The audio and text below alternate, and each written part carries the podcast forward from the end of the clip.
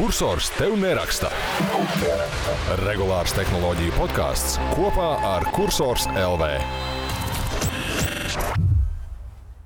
Esiet sveicināti, ko kursors tev neraksta regulārā tehnoloģija podkāsta 32. epizodē, kas tiek ierakstīta nepiedodami vēlā piekdienas vakarā, 14. aprīlī. Studijā esmu es Kristaps Čīkstoša krēsla, un šai sarunai mums ir pievienojušies uh, Henrijs Jurģis Ansis. Sveiki, Zēni! Čau! Čau, čau visiem! Labvakar, pirmajā Anša podkāstā.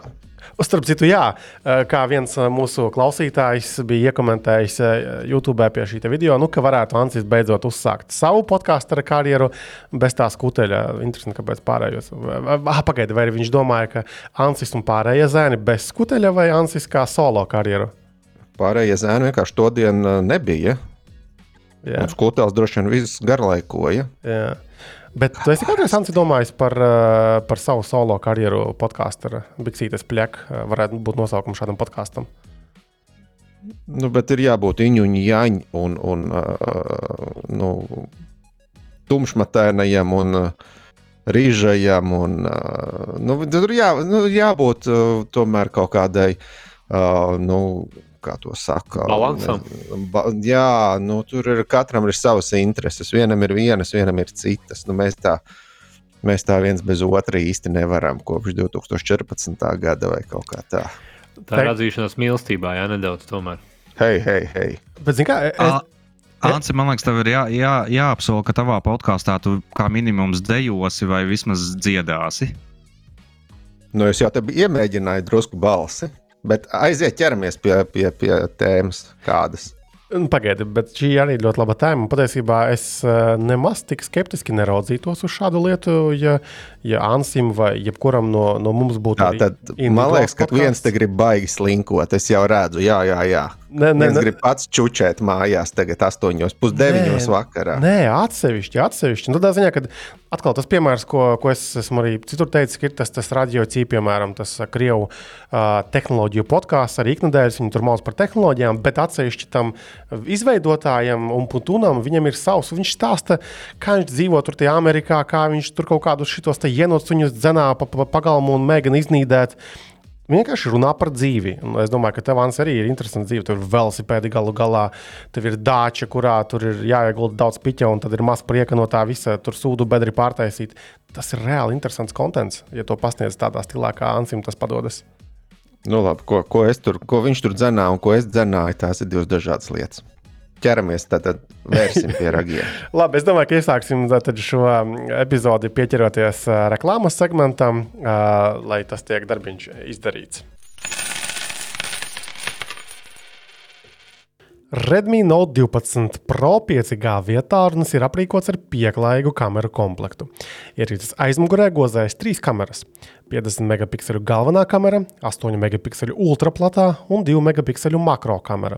Starp citu, galvenā kamera izmanto slaveno Sony IMX 766 sensoru, kas atrodams daudzos flagmaņu līmeņa vietāluņos.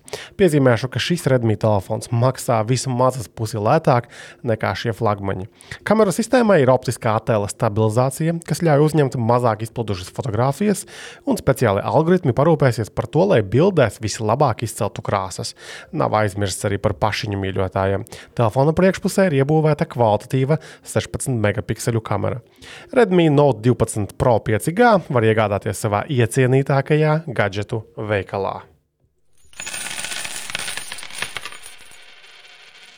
Lūk, jā, tā tad uh, Redmi telefons, uh, kuru starp citu Jurģis ir notestējis, apskats būs gaisā uh, Es domāju, ka jau nākamās nedēļas, jau pašā, pašā sākumā, tad varbūt Jurgi ieskicē tā pavisam īsumā, kāds ir tavs viedoklis par šo te telefonu. Tāds godīgais, labs vai ļoti labs.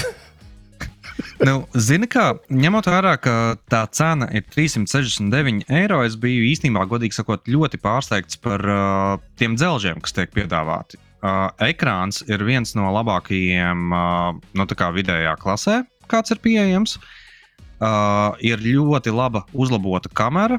Uh, runa gan tiesa ir par galveno kameru, kas ir saņēmusi optisko stabilizāciju, tāpēc ka pārējās nu jau pat sāk nedaudz, nedaudz uh, uh, iepalikt, bet uh, pēcapstrāde mēģina to arī kā, piedzīt.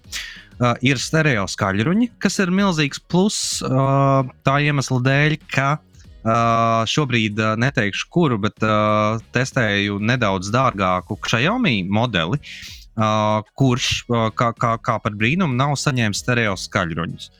Un ir tīri laba veiktspēja, bez karšanas pazīmēm, un, uh, manuprāt, uh, attiecīgajā cenā tur viss ir forši. Tur uh, tās lietas, pie kā varētu piekasīties, ir tādas, bet tās lasiet apskatā. Un tā cena ir tātad zem 400 eiro, 370. Kā skatoties, cik šeit internetā veikalā pirksi to ierīci. Ja? Tātad tas ir šādas Protams, cenu kategorijas ierīce. Tas ir nu, vidējā klase pēc mūsu klasifikātora. Ja? Pēc klasifikātora tā ir vidējā klase, un es pat teiktu, vidējās klases vidus. Jo parasti tie, kas maksā nu, ap ā, 499, 450, tad tas jau skaitās vidējās klases augša, un tur tā konkurence īstenībā ir diezgan sīva šobrīd. Jā, jā, jā. Ok, labi. Tad tas skaidrs apskats būs. Tad tiešām drīzumā gaisā varēsiet palasīt arī detalizēti, kā ir Jurģim ā, gājis ar šo telefonu. Un te uzreiz vēl uzsveršu, ka nu, nezinu, Latvijā nav cita cilvēka, kurš ir tik detalizēti iepazinies ar ļoti salīdzināmiem šiem vidējās klases telefoniem, redzējis viņus visus, iztestējis pamatīgi, kā mūsu Jurģis. Tāpēc viņa teiktiem pēc tam noteikti var uzticēties nu, bez jautājumiem. Kā arī, ja ir jautājumi, droši var komentāros jautāt, un cilvēki arī bieži vien jautā, hei, kā šis telefons šādā vai tādā aspektā izskatās pret tādu telefonu. Uh, un Jurģis arī korekti atbild un nemēģina aizfutbolēt prom šos jautājumus. Vēl, ja mēs runājam par ā, telefoniem, tad ā, Ansīs arī tikko dižojās, ā, ka viņam ir atsūtīts Samsung Galaxy S23. Plus. Tātad arī ierīce mums būs ilgtermiņā. Šad un tad mēs izmantojam kaut kādas ierīces, kas ir uz ilgāku laiku, lai saprastu, kā tas viss darbojas. Plus arī nu, kaut kādi aspekti, nezinu, kā, kā tur kamera mainās vai nemainās. Ir, ir, ir foršas lietas. Tas ir viens. Tad Samsungs atsūtījis kaudzi ar Galaxy A sērijas ierīcēm. Galaxy A50, blah, kas tas bija? 50, 54. 54, droši vien, jā. 34 un 14. Attiecīgi, apskatus mēs izdomāsim, vai visiem trijiem taisīt, ja visiem gribās man izputināt un kursoru, tad, tad gan jau ka visiem trijiem mēs taisīsim apskatus. Bet, Varbūt pat vajadzētu, jo atkal uh, A14 tas ir budžets. Nu, Samsung izpratnē budžets noteikti maksā vairāk nekā budžets. Tad ir A34, kas ir, kas tas ir budžets vai tas ir. Nu, redziet, A34 būtu tiešais konkurents jau pieminētajam Redmi Note 12 Pro 5G. nu, tad jātestē. Jā. Uh, Tā iemesla dēļ, ka uh, cena ir uh, aptuveni tāda pati un ir uh, arī diezgan līdzīga specifikācija. Uh, tas, kas uh, runā par labu Samsungam, Samsungam ir uh, ūdens izturība labāka. Uh, tu vari viņu arī sliktākajā gadījumā iemērkt ūdenī, savukārt uh, Redmi gadījumā ir tikai šļakstu aizsardzība. Abiem abus darbina viens un tas pats processors. Un uh, abi ir saņēmuši galveno kameru ar um, optisko stabilizāciju. Un cenas viņiem ir līdzīgas. Kas uh, attiecās uz A54, tas savukārt ir tas mans pieminētais upper midrangers, jeb uh, vidējās klases augšgals, kurš maksā aptuveni 499. Opa. Un tur, tur, tur, jau tā, tur jau tā konkurence ir stipri sīva, jo tur nā, nākas uh, ar to pašu Pixel 7 konkurēt. Un, un, un, un tad paskatīsimies. Jo es nezinu, darbībā neesmu redzējis, kā AP54 tas viņu pašu veidotais Exynos processors darbojas, bet es zinu, ka uh, pagājušajā gadā testēja A53, un tur bija baigi bēdīgi ar to viņu paštaisīto procesoru. Tāpēc skatīsimies, kas, kas tur īsti notiek. Un tas trešais modelis, tas ir uh, absolūta budžeta klase, un budžeta klase mums tomēr ir mīļa klase, jo augustā parasti mēs apkopojam, ko tad iegādāties pirmklasniekam un ko neiegādāties. Un līdz ar to tā budžeta klase bieži vien ir, ir noderīgāka nekā varētu šķist. Un kas starp citu ir vēl interesants fakts, uh, A tieši A. 14 priekšgājējs, ja nemaldos, A13. Uh, neatceros, vai tur bija pieteikts 5G vai nebija, vai 4G.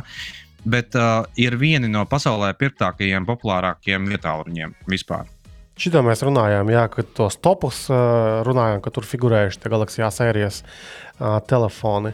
Ok, tad būs apskatīti turpmākajā mēneša laikā par šīm ierīcēm. Paldies Samsungam, kas sagādāja tās mums uz testu.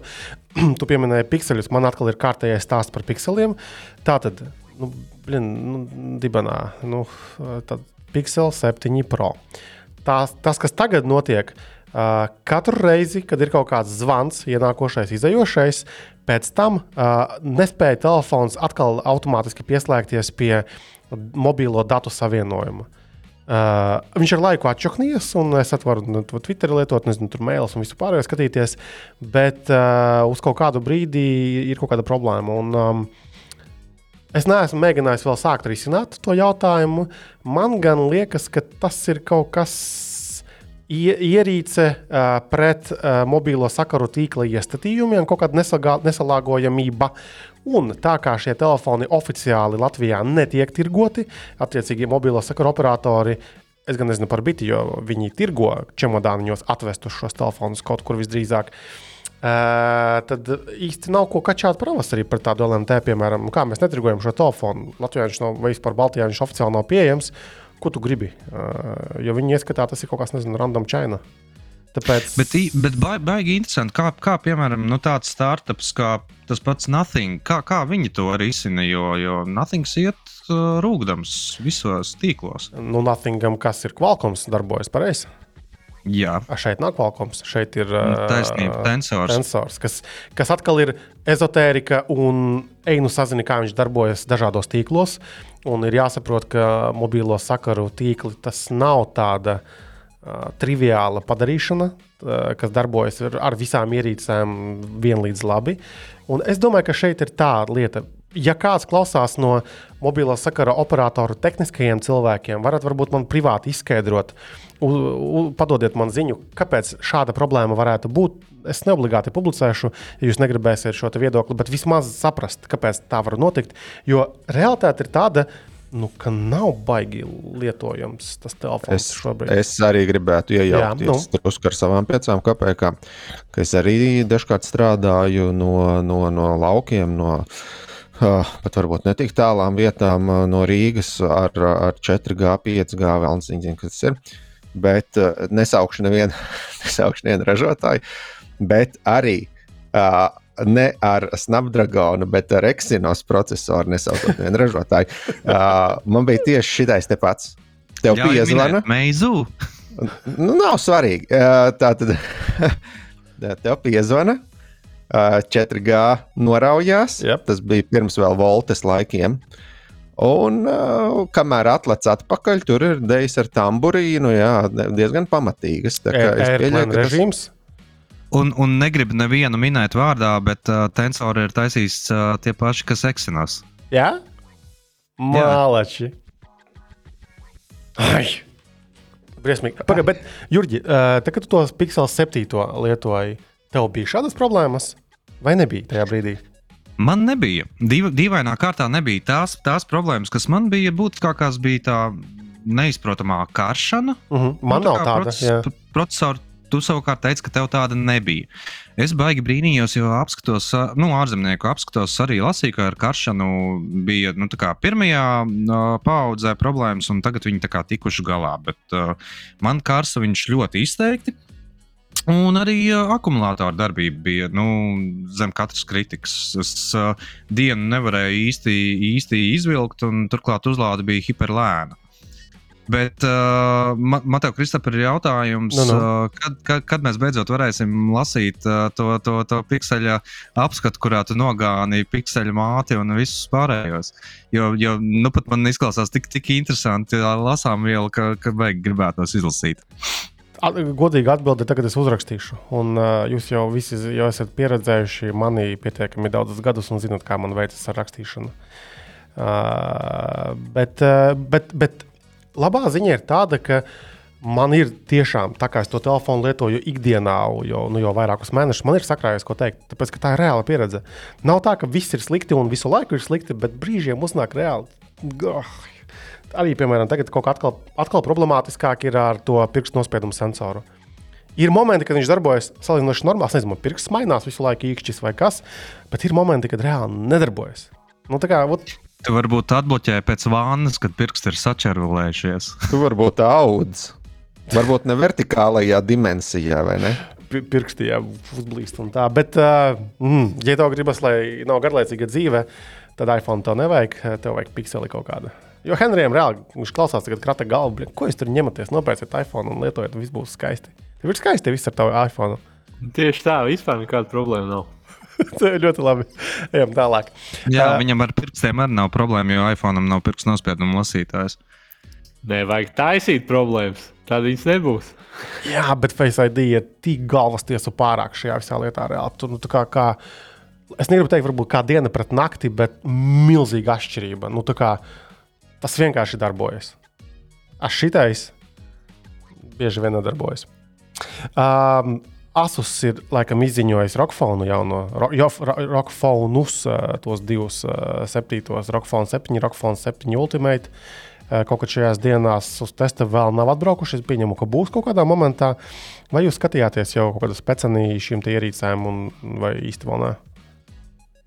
Es uzmetu aci, bet uh, jāteic, ka nu, uh, lielos vilcienos diezgan līdzīgs modelis iepriekšējam. Man vismaz tā šķita. Nu, protams, tur ir da da daudz kas ir uzlabots. Parādīsies ir uh, šļakstu aizsardzība, IP54 ir. Uh, Ir uh, nedaudz kameras pamainījušās, nedaudz uzlabotas, uh, un, protams, jaunākais Snapdragons, kas arī nu, veselu uh, vezumu ar jaunām featurām velk līdzi. Tā ļoti vienkāršoti runājot, eh, tad nopērkot šādu Rockfone 7, tu nopērc visjaudīgākās iekšas, kas vispār šobrīd telefonos ir dabūjamas. Uh, Displejs gan jau arī tur būs ok. Uh, tad ir tā interesantais tas vērķis, kas ir tas dzēsētājs, uh, kurā tagad ir laikam iebūvēts arī subwoofers, cik es tā mm, saprotu. Uh, Tas ir interesanti. Praksē visdrīzāk tu nelietosi to vērķi, jo nu, ne tu apkārt viņu staipīsi, varbūt mājās, nezinu, gēmojot kaut ko. Bet uh, ļoti interesants ierīces. Tiešām cerams, uh, Samsung lūdzu, ats- kāds Samsung, jo haidī, Asus atsūciet lūdzu uz testu. Uh, Notestēsim, pārbaudīsim, jo galu galā iepriekšējās uh, versijas ir testētas un ir atmiņā kaut kādas arī uh, lietas palikušas arī. Um, tālāk, uh, kas vēl ir uh, tāds uh, Karls Pejs, uh, ir Samsung Galaxy S23 Ultra. Apskatījis, kurš skatījās to video vai, vai, vai to viņa review? Es, es pro, pro, Nostāsti. pro, pro, Nostāsti. protams, tāpēc, ka man, man Nothing ir gana tuvs uh, temats, uh, tāpēc, ka pats lietoju Nothing Phone 1. Un, uh, kā jau arī citos podkāstos stāstīju par to, ka Karls Pēja un, un pārējie, nu, māca taisīt saturu, un viņi brīnišķīgi to dara. Arī šoreiz viņš ir apskatījis, nu, tā teikt, uztaisījis reviewu uh, Galaxy S23 Ultra. Nu, tur, uh, man, kas man ļoti patīk, ka viņš samērā godprātīgi atbild. Tas nav, nav tā, ka nu, kad noliek pilnīgi visu, kāpēc uh, jums nepirkt Samsung, bet pir, pirkt Nothingu. Bet tas, kas man iekrita atmiņā uh, un palika, uh, bija viņa komentārs par uh, saskarni. Jo viņš stāstīja par to, ka Samsung ir tik ļoti nu, uzblīdis liels uzņēmums, ka, ka, ka bieži vien tu nevari pateikt nē uh, izstrādātām kaut kādām lietām. Un līdz ar to saskarne ir vienkārši pilna ar diezgan uh, milzīgu apjomu uh, ar liekprogrammām. Jeb to saucamo bloatware, uh, nu, kuras ir skaitliski daudz un kuras nav līdz galam izstrādātas. Un, un uh, viņam uh, tā, tā moderātora prasīja, uh, nu, kā, kā, kā tavuprāt, būtu pareizāk rīkoties, vienkārši, viņš atbildēja, vienkārši neiekļaut tādus. Un, viss, un ja mēs skatāmies teiksim, tajā pašā uh, Nothing OS, kur viņš ir piesaistījis uh, uh, izstrādātājus no Oxygen OS, no OnePlus. Uh, Tur patiešām liekprogramma praktiski nav. Viņiem ir divas, trīs, uh, maksimums četras. Tajā pašā laikā Samsungam uh, tie jau ir ar, ar diviem cipariem, tur, tur lasāms.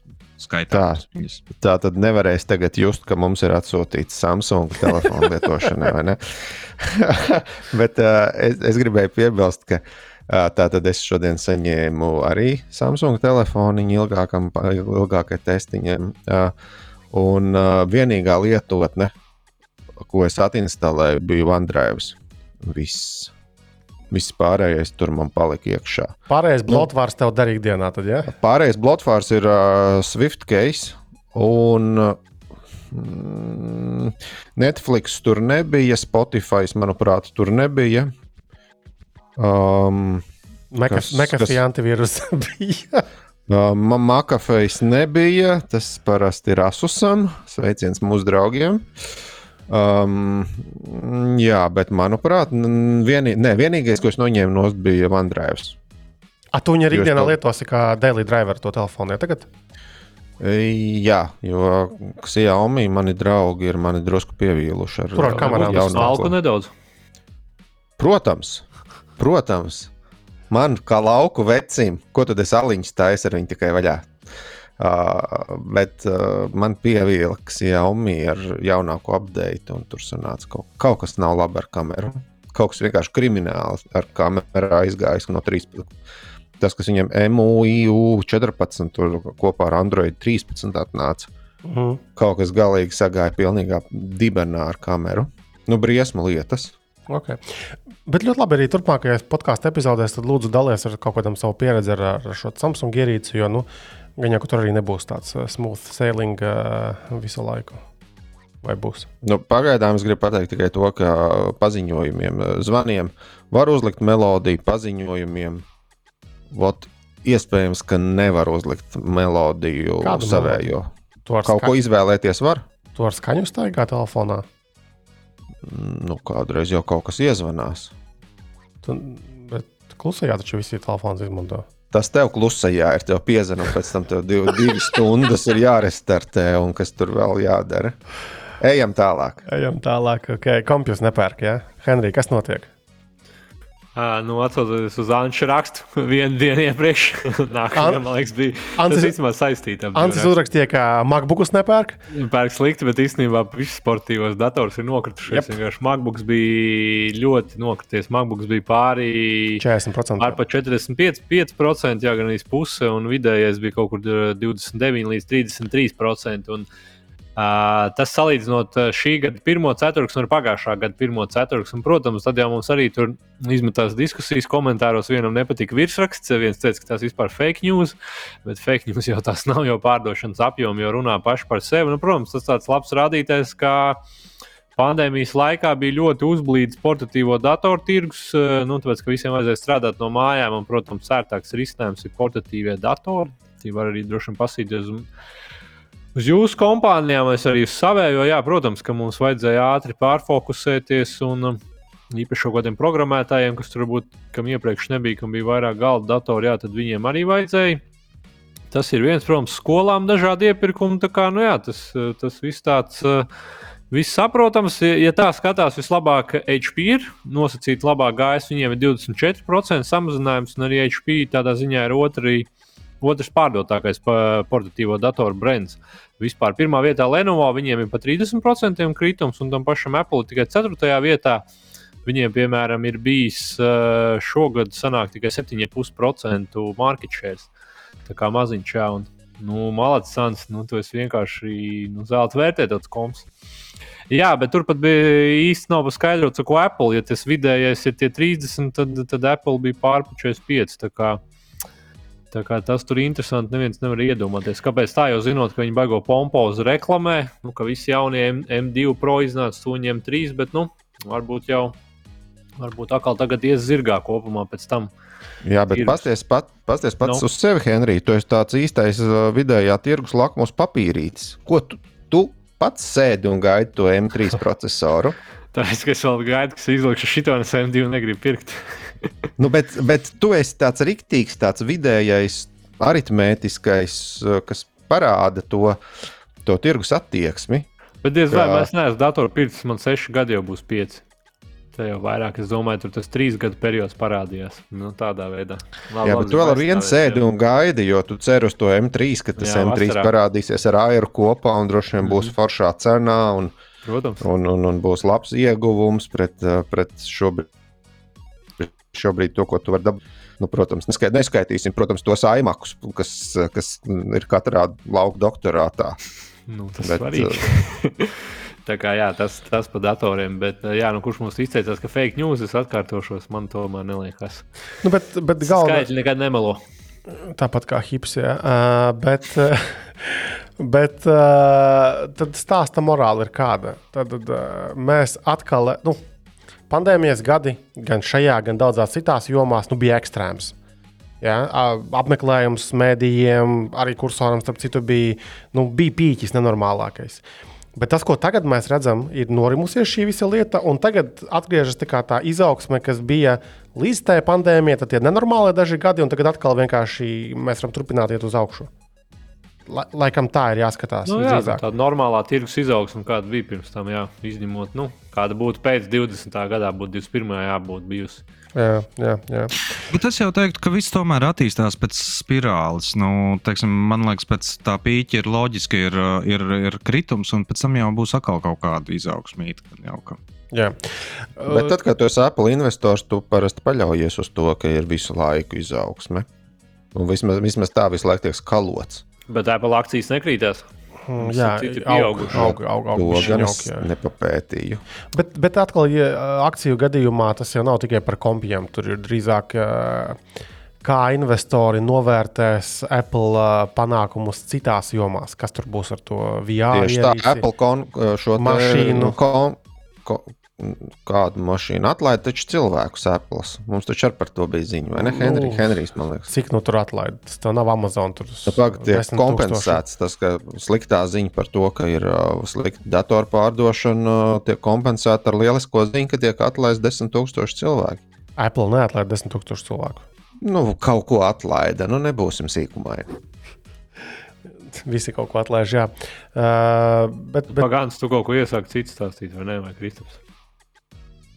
Ā, es sāku stāstīt, ka Jā. Ancis Malcītis saskrūvēja man datoru. Tagad, uh, paskaties, līdz kam mēs esam nonākuši. Agrāk es skrūvēju to datoru, tagad tu man saskrūvēji PC kasti. Uh, Tas ir tas, par ko bija runa. Iņu un jāņu. Dots par dotu. Jā, jā, jā. Jā.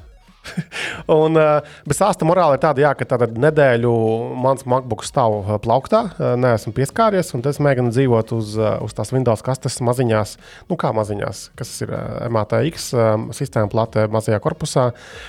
Uh, un, zini, kādas man ir atziņas? Tātad uh, Windows uh, ir mīlīgs.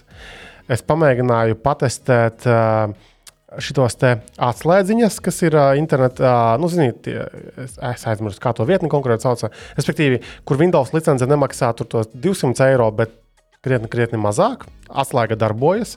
Es joprojām neesmu līdz galam pārliecināts, ka tā ir legāla atslēga, uh, tīri pēc šiem dokumentiem, bet viņi reāli darbojas kādā no šiem servisiem. Uh, varētu papētīt vispār kādreiz arī tālāk. Jo tur taču ir tādas diskusijas bijušas, ka patiesībā tas nav tik nelegāli, kā, kā nevarētu nu, izmantot. Un, tā.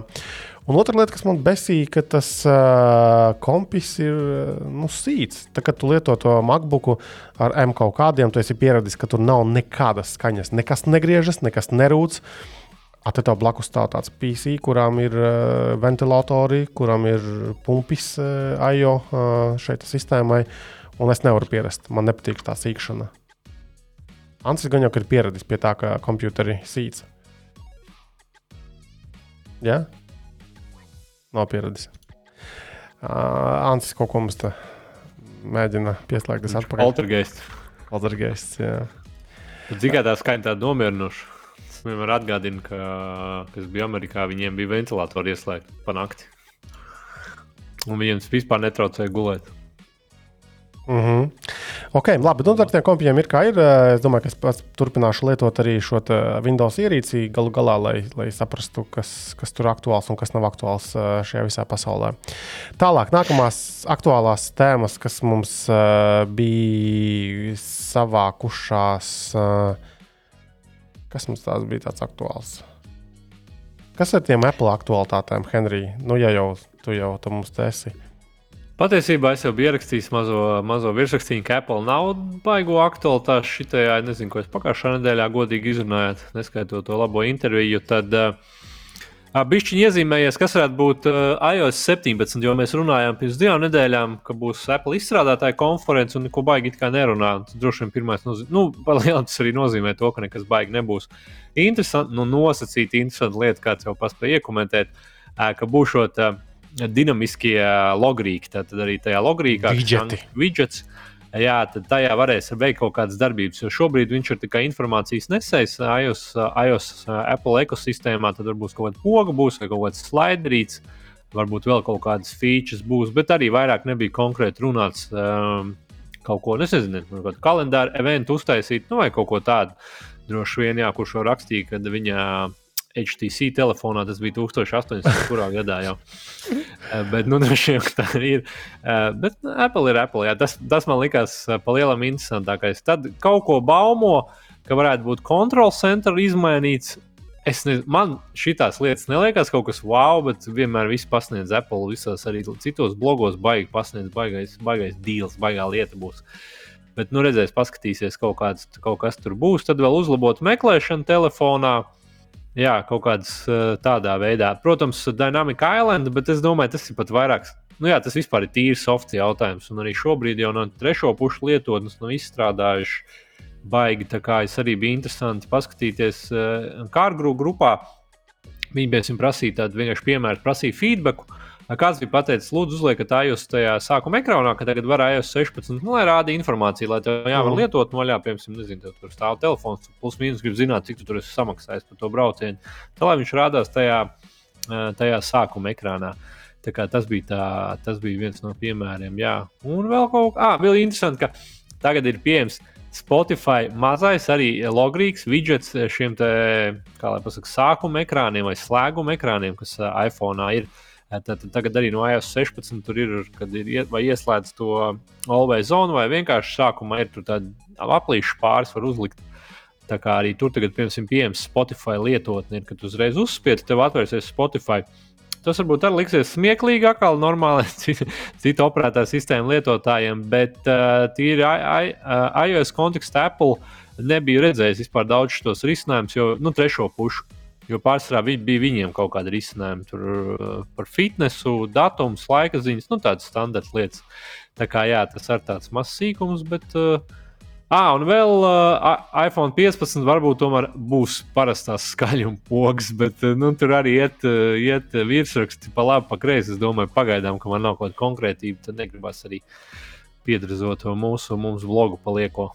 Es šodien, man liekas, tieši skatījos Pocket Navā. Viņi stāstīja par to, ka, ka viņiem esot problēmas ar to mikroprocesoru, kas nodrošina to haptisko atbalstu tām, tām pogām teorētiski.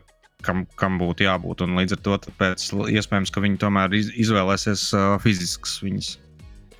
Bet, zin, kā es pieņemu, ka viņš jau sen ir izvēlēts. Nu, jā, nu, droši vien tas, tas ir iemesls. Jo patiesībā jau drīz jau nekas jau nav palicis, ja tā skatās līdz rudenim. Tā kā tā, jā.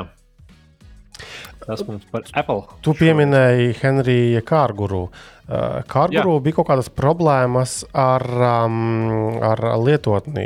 Jūs redzējāt tās problēmas? Jā, viņi diezgan man īstenībā cepur nost viņiem pa komunikāciju, jo viņiem ir ļoti laba Facebook grupa, kur tas vadītājs arī runā par visiem šiem jautājumiem. Viņiem bija divi kiberuzbrukumi, bija pirms kaut kādām lieldienu laikā, un burtiski vakar laikam aizvakar bija, jā, viņiem ir vienkārši kiberuzbrukumi. Kas uzbruka? Kāpēc? Nezinu, kaut kas bija rakstījis, ka bija viena diena arī bīstama tajā pirmajā reizē ap lieldienām. Nezinu, tad tie varbūt tad ir kaut kādi mērķētie tieši uz šiem kašēringiem. Nezinu, bolts uh, uzbruka. Bet uh, labi, labi, tas tā nevajag, tas tāds smieklīgi. Nelēn, tad neņem viens šo info.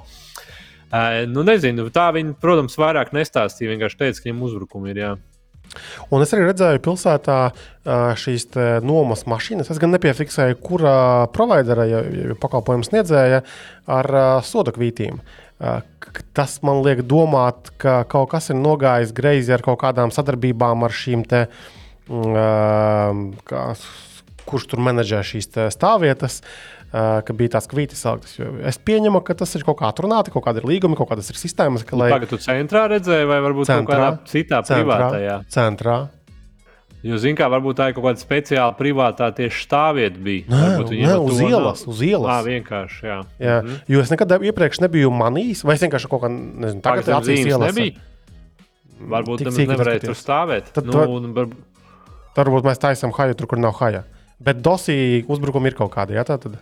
Nē, tie ir. Jā, nē, nu kā par sodu jau varbūt jau tur nevar stāvēt, vai es piecām minūtēm varēju stāvēt. Par to jau viņiem liek sodus. Tādā ziņā. Okay, labi. Visur jau visur nevar stāvēt. Nu, tā kā, ja, ja tu privāto mašīnu, tur, kur tu nevari, tur jau arī nevar kārguru likt. Te jau vairāk par Rīgas satiksmes tādām oficiālajām. Ok, jā, labi. Uh, vēl, ja mēs šajā tēmā iestūrējām, tad uh, vakar man bija uh, pasākums, uh, un naktī es domāju, aiziešu vareni uz mājām no centra uz mešciem un kājiņām. Kaut 8 km vai kaut kas tamlīdzīgs. Man likās, ka nu, reāli izdarāma lieta vienīgais prasīs ārkārtīgi daudz laika. Gan jau kādā pusotrā stundā aizietu. Bet tad es tā eju, mm, pa čakeni skatos, baigi daudz reāli mētājas apkārt šie visi skūteri. Un es domāju, blin, sen neesmu braucis. Un kā būtu atbraukt no centrā līdz, līdz manam mešciemam, līdz Ikejas rajonam ar šādu stāvdrāzi. Tā kā man lietotne bija pie rokas telefonā Boltas, tieši paņēmu tur tuvāko uzlādēto pietiekami aparātu. Protams, ka tie skūteris bija triktīgi, visi tur čīkstēja, grabēja reāli. Nu, pamatīgi viņš ir drasēts. Un braucot, es sapratu, kāpēc šie skūteri visdrīzāk ir sliktā tehniskā stāvoklī. Tāpēc, ka ietves ir pilnīgi čau. Uh, varbūt pilsētā pašā centrā vēl ir vairāk vai mazāk ok, bet ja tev ir jābrauc, teiksim, cauri kaut kādam purvciemam, tad tur vi, reāli ir viss slikti. Ir, ir ārkārtīgi slikti kvalitāte pašām ietvēm vietām, bedres nenormālākās. Tad um, nākamā problēma ir tāda, ka uh, šīs apmalītes kaut kādas vienā vietā ir nezinu, 5 cm, vienā ir 2 cm, uh, trešā vietā izdrupusī. Ja? Un uh, tad atkal ir kaut kāda piemēram, problēma, ka tā ietve vienkārši beidzas. Tur redzi, ka dubļos ir iestaigāta taciņa, cilvēki vienkārši dur taisni, jo viņiem ir jātiek, bet kur man ar to skūteri likties. Uh, tā kā reāli viss ir slikti. Reāli. Un aizbraukt, es aizbraucu pusstundā. Un pēdējos metros man bija interesanti, hmm, cik interesanti samaksāšu par šo pusstundas braucienu ar to skūteri. Uh, un es secināju, ka tā cena bija, cik man bija, nepilni 6 eiro. Ar taksi pat naktī būtu tomēr dārgāk. Kaut kas ap 10 būtu nu, lētais gals. Tāpēc, jā, ja gribās padomāt par dzīvi, uh, normāli atsist rokas, uh, jo tur jau amortizācijas nav nekādas tiem vērķiem. Tad, principā, var, bet nu, ir grūti. Nu, iedomājies, ja šī ir ar skūteru, tad iedomājies, kā, kā, kā, kā ar nabaga invalīdiem. Nu, vispār baisa paliek. Rāti invalīdi, tiem, nu, par tiem vairāk būtu vispār jādomā. Un, nu, grūti, slikti. Jā. Tur ir, un, un man arī prātā nenāk tāds ātrs risinājums, jo tas, teiksim, tā ir infrastruktūra. Un, ta, tu, Tu, tur nepietiek vienkārši tupa noasfaltēt celiņu kaut kādu. Tur taču ir ārkārtīgi daudz darba, un tas nenotiks ātri. Kamēr tu varbūt vienu vasaru tur taisīsi kaut kādus mazus posmiņus, tev bruks un juks pārējie. Tas, laikam, ir tas Ušakovas sastrādātais. Arī, arī par kaut kādu ko, kopējo plānošanu, jo, teiksim, tieši piemērs, nu, es šobrīd arī atrodos Kuldīgā. Uh, atbraucu, jo man jāsafotografē mm, telefons, ko, ko es testēju šobrīd. Un, uh, un par kuldīgu iedomājoties, nu, tu ar tādiem skūterīšiem vienkārši nepabrauks, jo vecpilsētā ir četru veidu bruģi. Un, un, un, un viņiem mainoties, tur ir, uh, nu, es nezinu, man liekas, zobi ir uh, dārgāki par prieku pabraukāt ar skūteri. Jā, man ap citu draugu teica, ka šī tā baigā sērga vasarā viņiem brauc, nāk ar izsistiem zobiem, un viņi piemēram saka, nevajag braukt. jo, tur ir traki, traki tās traumas priekšzobā ārā. Jā. Ar, izsist, ar, izsistiem, ne, ar salauztām rokām grūti salasīt izsistos zobus. nu, tas vēl kompleksāk, bet uh, problēma, problēma tieši tā, jā. jā. Vienīgais, vajag, zināmā mērā, Kristofers, dot pilnā šūsītēm, palikties bišķiņā. Es tā arī darīju. Es tā arī darīju. Un tagad es saprotu, es vienkārši biju pirms tam braucot ar auto, tu redzi, kas notiek. Un es visu laiku brīnījos, kāpēc pāri apmalēm cilvēki vienkārši tupo lēkā un lauž tos aparātus. Un vakar es sapratu, kāpēc tā dara. Tas ir, tas ir krietni efektīvāk, jo tu atsit tikai aizmugurējo riteni, nevis visus un, un zobus uh, padrebini. Tā kā traki, jā, nu, jā briesmīgi. Okay. Tālāk pie tehnoloģiskām tēmām. Ansi, tev bija tehnoloģiska problēma. Tad tavs Ubuntu buks, uh, Amaks, IMAX nedarbojas. Ja? Tad tikko tur pazudīja mums kaut kur. Nezinu. Kaut ko, kaut, es, es to norakstu uz ēģu vai uz kaut ko citu. Tev ir uh, makuntu. okay. uh, labi, vēl par Windows tēmām runājot. Uh, kas tur mainās ar to uh, ekrāna šāviņiem, jeb ekrāna uzņēmumiem, kā mums komentāros laikam tur aizrādīja? Ah, ok, labi, tad es to arī pats sajaucu, rakstot. Bet uh, tagad, kad nospiedīs print screen pogu, ikonisko pogu, kas kādreiz paņēma kā bija Latvijas starplikt. Viņi paņēma ekrānu, visu paņēma un saglabāja starpliktuvē, un tad varēja kaut kur iekopēt. Man parasti atceros, skolā bija Paintā pirmais, yep. lai dabūtu ar kontroli vai pēc tam Word dokumentā. Bet nu, laiks iet uz priekšu un parādās dažādi tūļi. Mazas programmas, vai pats arī Windowsā iebūvētais snapping tool, un tagad nospiežot to pogu uz Windows 11, tad atvērsies snapping tool. Es domāju, ka diezgan pareizi, jo tās tendences mūsdienā, kad uzņemt ekrāna uzņēmums. Ja? Uh Mhm. -huh. Ekrāna uzņēmums, tad uh, vienmēr jau tu gribi kaut kādu atzīmi, un tev nevajag vispār visu ekrānu. Zinu, man reiz ir uh, ar klientiem jāstrādā. Viņi atsūta uh, print screen, kur viņiem ir divi ekrāni. Vienā ir kaut kāda privātā bilde. Nesen bija situācija, kad raksta klients atvainojiet, neskatoties to otru bildi. Nu, tur, tur var redzēt, kā divi ekrāni kā. Bet snapping tools ir jau, jau kādu laiku, jo es zinu, ka es apskatos viņu arī uh, izmantoju. Nē, viņš ir, bet tagad tā standarta Lūdzu, kombinācija. tas ir kad- snipping. Jā, Snipping vai snapping? snipping. Nu, nu, tā man likās. Uh, tad, uh, tad nospiežot to print screen, tev viņš būs uh, nu, pamatā, bet default uzstādītais. Tagad ir joprojām tā vecā- izgriešanas rīks. Ā, izgriešanas rīks. No Nu, Windows 10, laikam, vai Windows 8 parādījās. Kaut kā tad. Jo iepriekš. Nu, Uh, Pārāk nebija. Jā. jā. Jā. Viņš jau nav arī tik. Bet uh, kā mums te komentāros rakstīja, vai kaut kur es lasīju, ka arī iepriekš it kā esat varējis norādīt iestatījumos, kā ar to print screen progu izmantot. Tagad vienkārši pēc noklusējuma tas būs. Ah, nu, tu ma nē, nu, nomainīt jau var, protams. Jā, tāpat, Bet pēc noklusējuma tagad vienkārši tas Tagad būs, būs pēc noklusējuma, jā. Bet tas Windows 11 pagaidām. Jo, jo man Tas, tas, tas, kas man patīk tam snipping tūlam, ir tas, ka tu vari tur atķeksēt, teiksim, kur, tieši kuru to, to, to lodziņu tu gribi nofotografēt. Un tad tas ir sa salīdzinoši ērti, jo tad, tad var izvairīties no tā, ko Henrijs teica, ka, nu, ka, ka, ka tev ir jāizsūta kādam uh, savu sarakstu, bet tev fonā ir pornhubs, piemēram, vai, vai whatsoever. Kas. ar tādām No, lietām ko? nav jākaunējas. Ja? Tas ir normāla vietne, izglītojoša rakstura. Bet par snipping to, vai snapping to, to tūli um, un vispār ekrāna šāviņiem kā tādiem ekrāna uzņēmumiem. Uh, kurš no galvas atceras, kāda ir tas taustiņu kombinācija, lai viņi palaistu? Uzreiz, bums, kurš zina? Windows man- taustīt Shift un S. Ansi, tu zināji? Nē, nē, man stāv shortcuts. Es, es ikdienā ļoti daudz izmantoju. Nu, desmitiem reižu dienā man ir jāizmanto.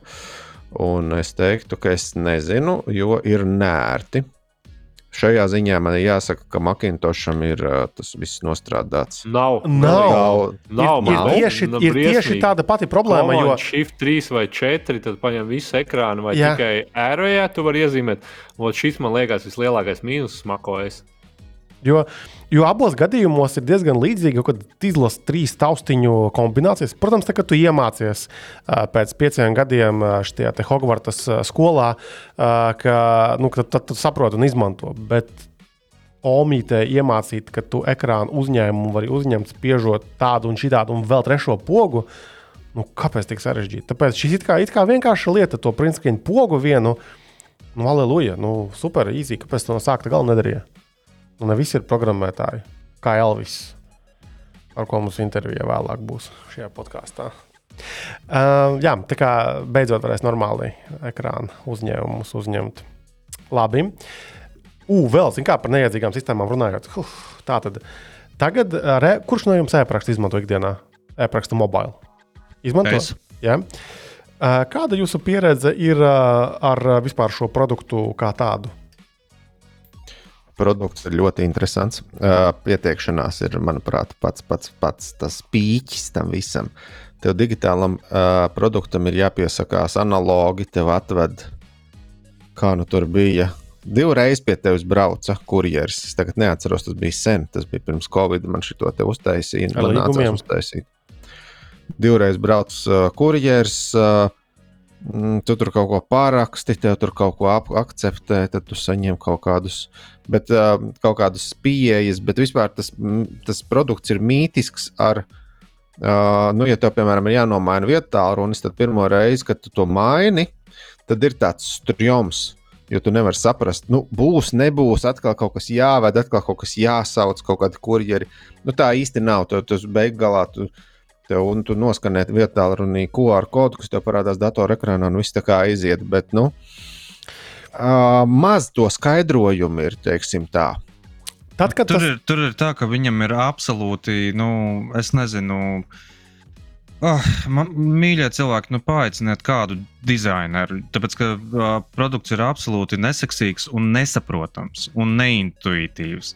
Tu, nu, tu nevari vieglā formā saprast, uh, kura poga mm. uh, tie skaidrojumi tev ir tādi, izvēlēties tādu, tādu kodu, kur, kuram nosaukums ir uh, kaut kāds tāds, ka tu pēkšņi nesaproti, kurš ir tas kods, kas, kas man ir vajadzīgs un kas tur īstenībā notiek. Jā, lai parakstītu. Nu, nu, nu, tā kā pilnīgi čau lai, jā, lai, lai iemestu aci, uh, lai pieteiktos, ok, ir saprotami, lai parakstītu dokumentu. Vot, tur sākas tiešām, tur nav skaidrs, kas tev ir jāievada. To es, tam, tam es pilnīgi piekrītu. Jā. Man atkal ir eh, pieredze tāda, ka es ikdienā izmantoju, nu ne katru dienu, bet eh, katru nedēļu. No, un uh, esmu piešāvies, ka tas ir diezgan ērti. Uh, Manas tas pārmetums ir drīzāk par to iestatīšanu. Sākotnējos iestatīšanu neatceros, tas bija ļoti sen man tie visi certifikāti. Bet uh, tagad taču mainījās, um, tad bija jānomaina tie certifikāti, ja tu gribi iegūt to pilno kaut kādu krūto tiesības, lai tu varētu ar to e-parakstu bankās tikt iekšā. Uh, tikai pagā, pagā, mēs runājam par e-parakstu mobile vai par uh, smart ID? Nē, e-paraksts mobile. Tagad e-paraksts mobile arī var tikt izmantots, lai ar bankām. No februāra tas, man liekas, jaunums vai kaut kas tamlīdzīgs arī bija. Bet ir, ir arī teiksim, tie kļūdas paziņojumi. Tātad, lai konkrēts piemērs, kolēģim bija, uh, man vajadzēja, lai viņš paraksta dokumentu. Es viņam izmetu dokumentu, viņš uzvarēja parakstīt savā mājaslapā, tā kā viņš darījis iepriekš arī uh, met iekšā to dokumentu, to ir tās parakstīt un kaut kādas kļūdas paziņojums, kas nepasaka neko. Un tikai tad sēžot un domājot, pagaidiet Pamēģinām ielogoties iekšā ar internetu banku, un, un tad redzi to paziņojumu pie produktiem, ka tev būtu vēlreiz e, nu, reizšu tos certifikātus. Nu, labi, fine. Arī tas, ko Jurģis teica, ka tu nesaproti, ka, kas ir kurā brīdī jādara, kurā momentā tas ir procesā. Un kas ir traki, tas process arī ne ar pirmo reizi aizgāja. It kā jau tur nekā tāda nav. Tev ir jāpiesakās, tad tev ir tie vai nu QR kods jānoskenē, vai tie kodi ar rociņām jāieraksta. Bet pat tas process bija neintuitīvs un nedarbojās. Tad, kad tas viss sataisīts, jā, forši nu, darbojas, nu, tu pierodi. It īpaši, kad tu nomaini to, uh, to garo penteri, nesaprotamo personas kodu, nu, to, to, to, to numuru, to Tā bija laba lieta, ko Liet, lietotāju Jā, vārdu. lietotāju vārdu. Tad, tas, tas ir normāli. Un tad tev jāatcerās reāli tikai tā viena parole, un tad tev ir jālūdzas uh, svētie gari, lai tas pikseli telefons tev pirkstu nospiedumu nolasa, uh, tad, kad tu gribi apstiprināt šo te, uh, biometriju. Tā kā jā, Tur, tur ir kaut kas tāds. Kāda jēga ir nu, e-parakstu izmantot bankā, ja Smart ID ir tik ērts?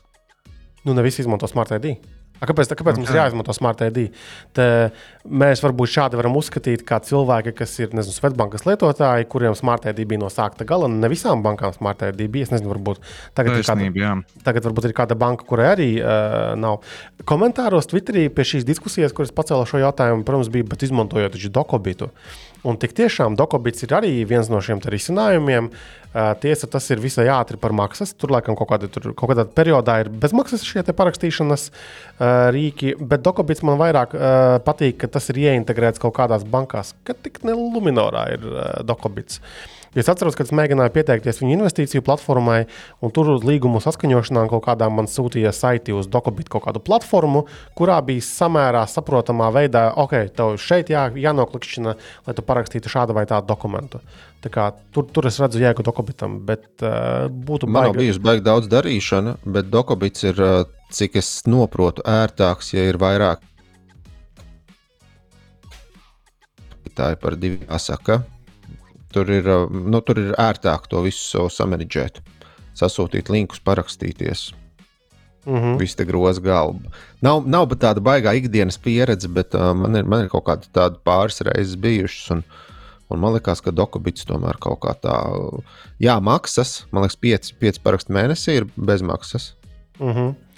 Jā, bet jebkurā gadījumā ir labi, ka ir dažādi risinājumi, bet noslēdzot šo konkrēto tēmu, būtu ļoti labi, ja tas, kas ir Latvijas risinājums, tas e-paraksts, lai viņš būtu tomēr sataisīts kā, reāli, kā, digitāli natīvs, lai tu saproti, ka cilvēki, kas ir taisījuši šo pakalpojumu, ir rokā turējuši arī kādreiz kādu vietā un, un, un saprot, kā to iztaisīt. Labi, kas mums vēl no tādām aktuālām? Ugh, man patīk, kāda tēma. Uh, tātad, FIB, jeb Federālās izmeklēšanas birojas, brīdina neizmantot publiskas USB uzlādes pieslēgvietas. Es vakar braucu, tātad, kā jau naktī minēju, atpakaļ ar stāvdrāzi, bet uz centru es braucu ar sabiedrisko transportu, un es pamanīju, ka tagad ir Rīgas satiksmes transportā. Nu, ne tagad, kaut kad ir iebūvēti šie lādētāji. Tur USB porti ir USB A, un cilvēks uzreiz tur meitene kaut ko pieslēdzās, uzreiz lādējās tā, it kā viņi to darītu regulāri. Kāds ir jūsu vispār tas skatījums uz uh, tādām uzlādēm publiskajās vietās, un kur ir FIBA problēma? Kāpēc tā ir problēma vispār? Nē, nu es pieļauju, ka, ka tur jau ir arī iespējams arī kaut kāda datu nesība, un kāds uh, negodprātīgs cilvēks varētu arī kaut, kaut ko tev līdz ar to, kā, nu, nezinu, kā, kādu nepārāk labu uh, programmatūru arī ieviest. Bet, uh, Bet uh, es drīzāk aizdomājos par to, ka man, man pēdējā laikā ir bijuši tādi lādētāji, kam ir uh, otrā galā USB-C. Līdz ar to es īsti savu lādētāju tur nemaz nevarētu tajā transporta USB-A uh, portā ielikt. Mm -hmm. Bet, jā, es arī lasu to ziņu, un uh, tā tad FIBA uh, saka, ka ļaunie zēni un ļaunās meitenes ir atraduši veidus, kā var uh, vienkārši pieslēdzoties ar vadu, piemēram, telefonam vai, vai datoram pie ierīces, automātiski viņi var uh, ielausties tavā ierīcē, it kā uzlādes vienkārši procesā. Jo kaut gan patiesībā nekas tur vienkārši nav. Uh, lai nu, sāktos uzlāde, tāpat notiek kaut kāda saruna. Ja? Hei, vakar esmu lādētājs, ah, tas ir telefons, ah, cik tu vari paņemt jaudu. Un, ir tur kaut kāda diskusija. Uh, digitāli, un tad tu kaut kur tur tajā brīdī var kaut ko arī pašaut arī vairāk. Tāpēc jā, viņa rekomendācija izmantojam mūsu lādētājus, jā, nu, tātad sienas lādētājus, savus vadus un uh, lādējamies droši, jo tur, acīm redzot, nav tik vienkārši piečakarēt šīs ierīces. Bet, zinu, ko es par šo domāju? No, no. Kurš tad reāli lādē, vai kaut kur citur? Tu, nu, paskaties lidostā, tu paskaties lidostās, visi lādē lidostās un citur. Viņi jau ir daudz iekšā, bet viņiem jau būs caur elektrības spraudni, ko tu tikko teici. Tur, kur ir USB. Nē, nē, nē USB. Sprauž iekšā. Okay, Tirzniecības okay. centros, tepat Latvijā arī jau, jau redzami ir šie USB. Nu, tur, tur, tur jau kādas tās stācijas uz kodu, kur tu vari atstāt. Nē, publiski pieejama. Vienkārši tu pats caurumā. Sap, uh, Henrija, nu, jā, sabiedriskajā jā. transportā. Es strādāju skolā, un es esmu braucis uh, sabiedriskajā Nē, transportā. Zinu, pēc tam, kad tur iekāpa bars ar uh, nepilngadīgiem bērniem. Uh, vi, viņiem ir pirmās, pir, pirmās uh, vietas, ja mūsu laikos bija tā, ka pirmās vietas ir autobusa aizmugure, kur tu vari čalot. Uh, uh, malkot uh, Coca-Cola, ēst čipsus, drupināties un tam līdzīgi. Tad šobrīd pirmās vietas ir tās, kur ir USB līgsta, lai viņi var piesprāsties un spēlēt savas spēles un TikTokus. Bet uh, man vēl tāds komentārs ir parasti, jo šie lādētāji ir kaut kādi superknapie, superlēnie. Un, uh, man liekas, ka tas vismaz daļu lietotāju tā kā ai, ai, nu nelādēsies. Bet ziņa jau bija cita. Tu brauc uz sabiedrisko transportu. Es šādu un tad braucu. Es tagad pirmo reizi notestēju to uh, laika biļeti, uh, kas ir mobilajā. Tad plēlam tas darbojas tāpat kā pirms tam, tikai nedarbojās. Es mēģināju, tad es nopirku, es mēģināju noaktivizēt ar to QR kodu lasīt, un tad vai nu pikselis neprot nolasīt QR kodu, bet nekas nenotika. Un es vienkārši tur stāvēju, vienkārši manuāli to borta numuru ierakstīju, un tad, tad viņš tur parādīja to, kas kontrolē. Jā, no atkal to nestrādā, jo man viss strādā. Man, man, man arī viss, viss strādā, bet uh, man ir tā, ka es pārsvarā mobilī neizmantoju, jo, jo nu, es neesmu šofērs, man nav autovadītāja tiesības, bet uh, mobilī es izmantoju tajos brīžos, kad es. Uh, kad es uh, testēju kaut ko no Xiaomi, Poco vai, vai, uh, vai Redmi. Tāpēc es nezinu, kāda iemesla dēļ uh, uz, uh, uz Mīju vienkārši neiet Rīgas uh, satiksmes ap aplikācija, jo viņi ir pietiekami ērti, forši un man patīk tur ar tiem QR kodiņiem, ka tu vari normāli tur tās biļetes arī nu, iegādāties. Un, un tur tā, nu, tā aplikācija gan ir forši sataisīta, manuprāt. Bet uh, kāpēc viņi neiet uz, uz uh, MIUI, to es vēl aizvien nesaprotu. Okay. Iet. Iet. Man gāja. Jā. Forši tev. Pagaid, tu arī brauc ar sabiedrisko? Nu, tur jau var samaksāt par jūrmālas caurlaidu. Jā, es esmu divas reizes maksājis ar uh, mobili vai trīs reizes, ne vairāk. Bet runa ir par uh, Rīgas satiksmi, nevis mobilī. Rīgas satiksme tev tieši neiet, nekad neesmu lietojis. Man ir, man ir aiztur likt uh, to Rīgas satiksmes lietotni virsū. Tas, tas bērnības trauma. Bet ja, droši vien. bet, ja mēs runājam par jūrmālu, tad es arī biju pagājušajā nedēļas nogalē jūrmalā. Uh, nu, kā ierasts, esmu bilī uh, pirku to caurlaidi. Uh, tad nākamajā rītā, kad es jau tā kā taisījos prom braukt, uh, stāvvietā pienāca kaut kāds. Uh, Nu, teiksim, tā, no citas pilsētas iebraucis uh, Čalis, un viņš prasīja, kā, kā tur nopirkt to caurlaidi, to biļeti. Uh, viņš tagad do, es iedošu to divu eiro, vai nu, palīdz man tikt klāt. Un, protams, ka viņš par mobili vispār neko nezina.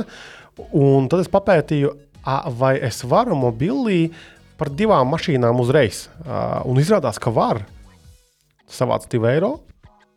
Vides neklausies, lūdzu, šo sarunu. Ja? Tas nav finansiāla transakcija ar vēlmi uzvārīties. Uh, bet, jā, principā es varēju vienlaicīgi noaktivizēt divas šīs caurlaides. Pats es aizbraucu, es nezinu, kas notika ar to otro, bet izskatījās lietotnē, ka tev vienkārši parādās vairākas. Tev tas- vajadzēja paņemt 2,11 eiro, jo mūsdienās uh, apkalpošana ir 11 centi par šo pakalpojumu. Jā, Jā, blin, man ir piečukarēts. Tu vairs mīnusā. Jā. Laba sirds maksā dārgi. Jā. Okay, um, tālāk, uh, kas mums vēl tāds bija? Uh, kas ar tiem game pasiem? Tātad, kas ir mainījies? Tātad Latvijā no aptuveni šīs nedēļas oficiāli uh, ir pieejams kas? PC Game Pass. Ja? Tā to sauc servisu. Video. Xbox Game Pass ir. Pie... Nē, pagaidi, Xbox un Nē. PC tie ir divi dažādi servisi. Jā, jā, jā. Ir, tātad game, tātad game. Pass. Game Pass jā. Lētākais ir pieejams tikai datoriem, kas maksā nepilnīgi 10 eiro mēnesī. Un, ja tu gribi arī konsolītei klāt, tādā ziņā, ka Xboxam visticamāk, tad tev ir jāņem ultimate komplektiņš, kas maksā 13 eiro. Tur ir rasta, laikam, man tagad ir aizsadzies, bija cietis. Nevar. Ne, ne, nepilnīgi 13 eiro. Ir. Uh, bet, ja tu gribi kopā ar pieciem draugiem, tad tur 22 eiro. Un interesantā kārtā, uh, ja tu gribi ar saviem draugiem samesties kopā, tad uh, tev pat nav jādzīvo ar viņiem vienā, nezinu, koju istabiņā vai vienkārši istabiņā. Mhm. Uh, ka tas n- netiek nekā, nekā ierobežots vismaz Nevajag šobrīd. vienu internetu. Kā, kā Netflixam, jā, kā Netflixam, ka tur ir jāsēž uz vienas IP adreses, vai vēl nezinu, kas tur vēl jādara. Bet, nu, būs, bū- ir, vai nu ir, vai būs. Man, diemžēl, nav ne interese, ne Xbox, nekas. Jā, Bet, ir, vai, nu, vai, vai nu ir, vai, vai tuvāko mēnešu laikā būs jau Tev ir makuntu. pieejams. Nē, kā, kā, Kas kā, lūdzu? Henrij, kā tu sauc? Makuntu. Makuntu. Makuntu. Nē, Aima Kuntu. Bet uh, man tagad ir tas pīsis, un uh, vajadzēs pamēģināt uh, to, to, to Jā, game passu. nu jā, tu jau tieši uz datora. Tā liela jau tā ziņa bija tāda, ka tas PC Game Pass ir pieejams arī Latvijā. jā, Bet Xbox Game Pass oficiāli tā kā Latvija norādīja, tas tāpat nav. jā. Ja tā pareizi saprotu. Jā. galam. Ok, labi. Uh, vēl par uh, video kartēm. Tātad Intel Arc tātad, uh, notestēja. Apskats būs gaisā pirmdien. Uh, tāpēc, Anci, tu vari ietīzot vēl, kāds bija tavs tā, tā kā, tāds viedoklis, feedback par šo te Intel uh, uh, mēģinājumu konkurēt ar Radeoniem un GeForce šīs pasaules. Mm, Jā, nu viss, protams, vienmēr izsaka cena beigu galā, sākumā un beigās. Jā, Tā tad mums ir Kristaps ir veicis savu izvēli. To viņš izdarīja pilnīgi pats soliņā. pats vainīgs. Jā. Solo. Jā, tieši tāpat vainīgs. Un iegādājās par grūti sūri pelnījot naudu. Arks A750 video karti, kas ir ā, no Intel ā, vidējais, laikam kaut kā tā var Jā, 8, 8 gigabaitu video atmiņa. 8 gigabaitu, jā, video rams ir, bet nu, mūsdienās 8 gigabaitu video rams jau ir uz robežas. Nu, tur, Un- ja pat neņem vērā veiktspēju, tad nu, diezgan ātri salasās tie gigabaiti, tad, kad tu sāc spēlītas tur lādēt iekšā. Un, un te uzreiz jāpiezīmē, ka tātad uh, cena tāda šādam Intel Arc A750 8 gigabaitu video kartei dataksā es vismaz skatos ir 320 eiro. Tātad par 320 eiro, ko tu vari nopirkt uh, no video kartēm vispār? Tātad eh, salīdzinājām mēs ar, RT, ar Nvidias GeForce RTX 3060, kas ir cenā drusku virs šiem 320. Droši vien jāsaka, ka ir 50 eiro virs. Uh, tātad ap 370 eiro bija tajā mirklī, kad mēs apskatījām šo video karti. Un, um, nu, jāsaka, tā, ka laikam Nvidia šobrīd veicās ar tiem veikt, ar visiem veiktspējas un, un benchmarkiem, kas ir gan, gan sintētiskie, gan pašā spēlēs ieceptiem iekšā, veicās lineārāk. Tu vari paredzēt, nu, šis strādās tik un tik, un tas strādās tik un tik ātri par spēlēm runājot. Nu, Intelim tā gluži nav. Vismaz šobrīd. Ir īpaši ir problēmas ar šo DirectX 9, kas ir piemēram CSGO, ka tu nu, baigi staigā. Nu, tu ieej, restartē spēli, un tā spēle strādās pavisam kā cita spēle. Gan arī tā var teikt. Ka tur var būt atšķirība 50, 60 un pat vairāk kadru sekundē. Nākamajā reizē, kad tu ieslēdz šo spēli, un ne obligāti uz augšu. Nu, ja tu spēlē kaut kādas šīs vulkāna vai DirectX 12 spēles, tad tur viss ir diezgan vienkāršāk, bet nu vēl ar vienu. Mm, nu, un vidī droši vien ir stabilāks, stabilāks, stabilāka izvēle. Ja tu esi kaut kāds nu, renderētājs, tad arī droši vien vidīs virzienā jāiet. Bet nu, Intel ārku mēs dabūjām stipri izdevīgi. Līdz ar to tā, nu, tā, tā, tas trieciens nav tik milzīgs. Pat, pat video karte ir diezgan forša, manuprāt. Jo nu, mums nu, fiziski uzbūvēta. Tāda masīva, maziņa, bet smaga un, un, un, manuprāt, bija diezgan klusa un nav āršķirīga. Un, un var iebāzt mazā keisiņā, un forši ventilējās. Un, nu, es šajā ziņā es neredzēju nekādas problēmas. Un nav, nav tā kā jaunajām uh, RTX 40 sērijas kartēm, ka tur ir tas idiotiskais spraudnis jaunais. Ar to man arī, starp citu, bija piedzīvojums uh, RTX 4070 T versijai, TI. Uh, versijai es uh, pēc apskates vairs nevarēju to adapteru dabūt ārā. Es izgriezu kastē caurumu un atdevu Kristapam. Uh, jā, tā, tā gadījās ar to adapteri. Pagaidi, ko tu izgriezi? Sākās. Nogriezu vadu. Nu, es, es izgriezu ārā kastes pakojumam, lai var to vadu ielocīt iekšā. Es nevarēju noņemt vienkārši to adapteru vadu, to elektrības adapteru vadu. No video kartes jaunajā. Jā. Nopietni? Nu, paskaties, jā. Paldies! Nu, varbūt tur, varbūt tur var paņemt Varbūt tu nezinu, neproti ar, ar nāzi vai ar naglu, naglu izbakstīt ārā, bet nu, es, es labāk izgriežu kastē caurumu, nu, tajā pakojumā tādu nelielu caurumu nekā. Nu, ka, katram ir sava, katram ir Jā, savs. ok, problēmas. labi, tomēr paskatīsimies. Bet uh, par tiem video kartēm, jā, tā, tā kas mums ir, uh, tā ir paša Inteļa veidotā, kas izskatās, ka tas ir kā Nvidia ir tie Founders Edition. Pareizi.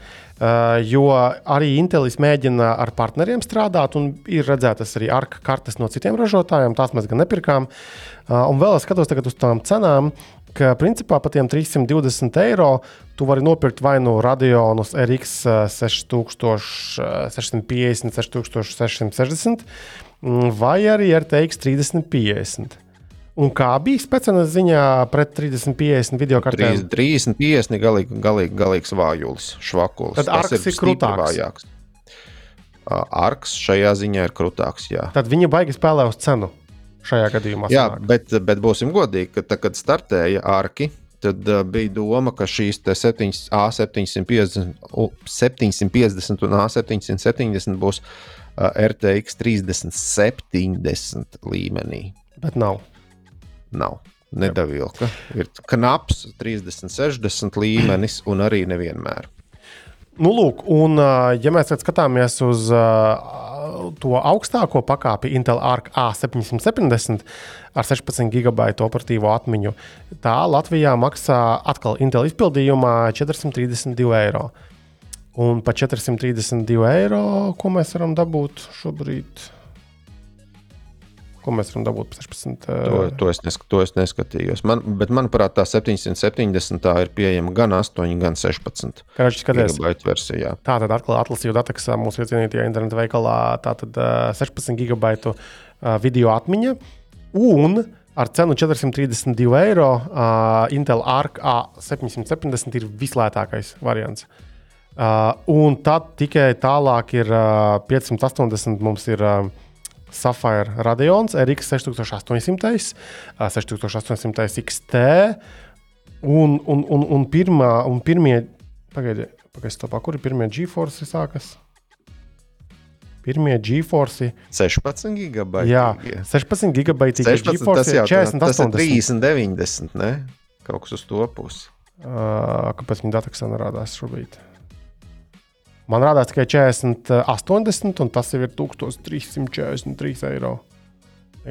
Nu, ja mēs ņemam pēc video rāma, tad, uh, tad kaut kādā mirklī ir pārlūzums Nvidia. Jā. Bet tad, tad sanāk, Man liekas, 10 un 12 gigabaiti viņiem ir, bet 16 jau ir. Uh, nu, gals nepateikšu. Bet tad, bet tad, Nē, tas, esmu bet, sagatavojies. bet tad tas nozīmē, ka tas A770 principā ir baigais deals par to cenu, par 430 eiro. Nu, ja tu dabūji Ā, 16 Jautājums, kad viņi ies gigabaitu versiju. Kas? Kad viņi ies uz tirgošanu, zinot, kā jūs iztirgojat vispār. Ā, man ir tāda, kas man tagad ir. Jā, Nu, ja tu pēc šodien es tev iedošu labu cenu. Jā, bet ir, tā, tur jau tā lieta, ka Kristaps šobrīd sēž uz AMD sistēmas bez, bez iGPU, bez iekšējās video kartītes. Tu pārdos, un viss tev video beidzās. Tu vari to izmantot kā, Ar tam procesoram nav? nezinu, kā, kā dārgu sildītāju. Pagaidām. Nu, ir tad jāpērk kaut kādi G procesori. E... Ē, kā sākās. Labi. Uzmetiens. Tātad tev nebūs, Henrija, šīs video kartes. Ok, nu, ā, nebija arī aktuāli. nebija aktuāli. Jā. Labi, ā, tad ā, kas mums te vēl tad, ā, ar apskatiem notiek? Ar apskatiem mums, tad, ā, ja, ja vien nav tēmas kaut kādas jums vēl. Nav vairāk aizķērušās, vai apskatīt tādas lietas. Tad um, no apskatiem mums, uh, uh, Ansim atbrauca bots, uh, robots uh, Dreamy Bot L10S Ultra. Milzīga kaste. Uh, tātad uh, robotizētais putekļu sūcējs, kurš māca pazaudēt savu lupatiņu. Ja? Īsumā pastāstīt, Oi, oi, oi, oi. Man starts. Es, es tagad nevaru saprast, ko man vainot savu līkrocību vai, Vai robots? vai, vai mūsu draugu ķīniešu mazo jauko draugu līkrocību.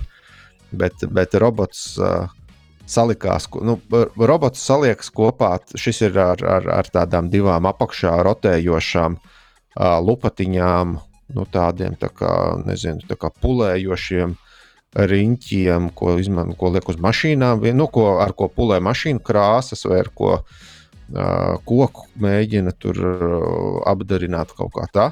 Šādi divi rotē apakšā, ja nemaldos, uz magnētiem varētu būt. Interesantā kārtā, kādā otrajā vai trešajā braucienā, ne pirmajā, bet otrajā vai trešajā braucienā, uh, viens no šiem te uh, lupatiņu tiem, nu, turētājiem nokrita. Bet uh, robots pamanīja to tikai pēc kādas nu, nu, stiprām 15 minūtēm. Bet izrādījās, es pats nebiju mājās, izrādījās, ka lupatiņa bija nokritusi pašā tajā dokstacijā, mazgā, kur tiek mazgātas tās lupatiņas. Robots bija izbraukājis pusmāju, uh, konstatējis, ka nav. Iedomājies, ka pats ir ieķēries šajā lupatiņā, un viss vairs, vairs nebija ne, ne, ne vadāms, ne pārliecināms atgriezties dokstacijā. Nu, tā tad viņš nostāvēja no kaut kādiem desmitiem rītā līdz diviem, trījiem dienā. Par to es nebiju baigā sajūsmā, bet uh, nu, tur grūti pateikt. Jo, jo pēc tam es laidis vēl vairākas reizes, uzliku to, to, to lupatiņu turētāju atpakaļ. Un nekas nav ne kritis, ne parādījies kāds erors. Nu, grūti pateikt. Ok, Man- tātad. Bet, bet šis ir uh, Xiao, nu, kaut kāds kārtējs Xiaomi apakšzīmols, Dreamy vai kaut kas Mhm. uz to pusi. Jā, turpinot vēl par robotiem, tad pie manis ir atbraucis Hester M2 Pro logu tīrīšanas robots. Eh, Mums ir ar logu tīrīšanas robotiem jau bijusi pieredze. Ansis testēja pagājušā vai aizpagājušā pavasarī. Tad pa, parasti pavasarī visi gribas um, eh, atgūt eh, skaidru skatu caur logiem. Un, mans secinājums ir tāds, ka ir, ir skaļi, ir ļoti lēni. Uh, un es apskrāpēju jau testa ierīci, jo es domāju, ka var notīrīt ne tikai logus, bet arī balkona šīs te, nu, stikloto daļu. Un, protams, ka viņš tik ļoti piespiedās uh, pie malas. pie grubuļainās, šī tā apmestās uh, sienas, ka viņš smuki visus tos savus stūrīšus, četrus arī noskrāpēja. Un, um, un tas robots uh, nu, notīra jau. Um, Bet, laikam, korekti atbildēt būtu, cik ļoti notīra, ka putekļu kārtu viņš forši notīra. Teiksim tā, ar šādu robotu ir krietni labāk nekā ja netīra logu vispār. Bet, ja tev kaut kāds putnu sūds ir vai, vai vienkārši kaut kāds bērni pielīmējuši kaut kādas lietas uz tā stikla, šādi roboti nespēja notīrīt tās lietas. Bet, bet tas, tas jau ir līdzīgi kā ar robotiem putekļu sūcējiem. Viņi jau ir domāti profilaksē. Nu, tajā brīdī, ja tev ir nu, piedošana aiz pīļa uh, skats uz dzīvi, nu, viņš jau tīru viņu nedabūs. Bet uh, tajā brīdī, ja tu viņu, teiksim, nezinu, reizi nedēļā, reizi divās nedēļās palaidi, tad tev tas lokus būs nu, ilgtermiņā puslīdz arī normāls. Ne, vienam nav tik daudz laika dzīvē, lai palaistu to vienreiz nedēļā, to aparātu pa stikliem. Jā, nu tur ir čakars. Bet, bet robo, robots, robots istabā uztur ļoti jauku kārtību. Grīda, grīdas ziņā, tādā ziņā. Jā ja ir drosme ļaut tam automātiski darboties. Tā kā mājā. Jā, ja tev nav grīda, kas sapūst, kad tu tur no 8, ja tu palaidi 8 rītā, kad tu izēji no mājas un atgriezies 5, un tas drāņķis tur ir stāvējis un pūdējis tev koku grīdu smalko. Nu, tad diez kas nav, vai ne? Bet uh, visādi citādi jau ir diezgan forši. Jā, okay. Tālāk tad vēl uh, Jurģis izrāva cauri to Lenovo telefonu. Beidzot, mums jātiek līdz tā apskata publicēšanai Lenovo ThinkPhone Jā. by Motorola. Tas mums bija Jā, viņš saucās ThinkPhone by Motorola. Un, uh, Un par to es varu pateikt tikai un vienīgi. Man viņš uh, riktīgi patika, un man galvenokārt patika tā ready for funkcija. Uh, Man liekas, ļoti, ļoti forši viņš nu, sarunājās tiešām ar, ar datoru un Androidiem. Ar, ar Windows vienmēr ir sarežģīti sarunāties, jo tās ir vienkārši divas dažādas platformas. Bet tas notiek gan veikli un gan labi izstrādāti. Cita lieta, ka, protams, pats telefons ir nu, absolūts nišas produkts. Tas, ko es ieteiktu, es ieteiktu uzņēmumiem, ja jūs pērkat saviem darbiniekiem Lenovo dators un jums darbiniekiem ir jānodrošina vietālu runas, tad šitādu tu, jūs varat droši pirkt klāt. Bet tā, uh, nu, lietotājiem parastajam ir daudz citas labākas alternatīvas, ko izvēlēties. Uh -huh. uh, ok, jā, tad mums gaisā bija arī tas tā printera, HP Smart Tank 580 apskats jau ir gaisā. Tur arī cilvēkiem komentāros ir forša diskusijas par um, to, ka Tintas printeri tur aizkalst vai neaizkalst. Un, uh, Man jau patīk ideja, ka tas ir tie uzpild, uzpildāmie mm, kārtridži.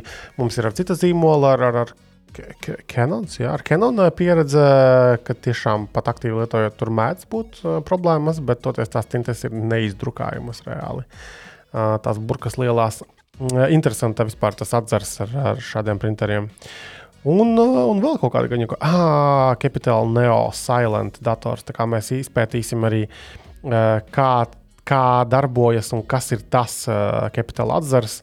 Uh, produktu ziņā Turansim būs uh, tas gods notestēt šo kompiju arī, un tad drīzumā, tuvākā mēneša laikā būs arī apskats.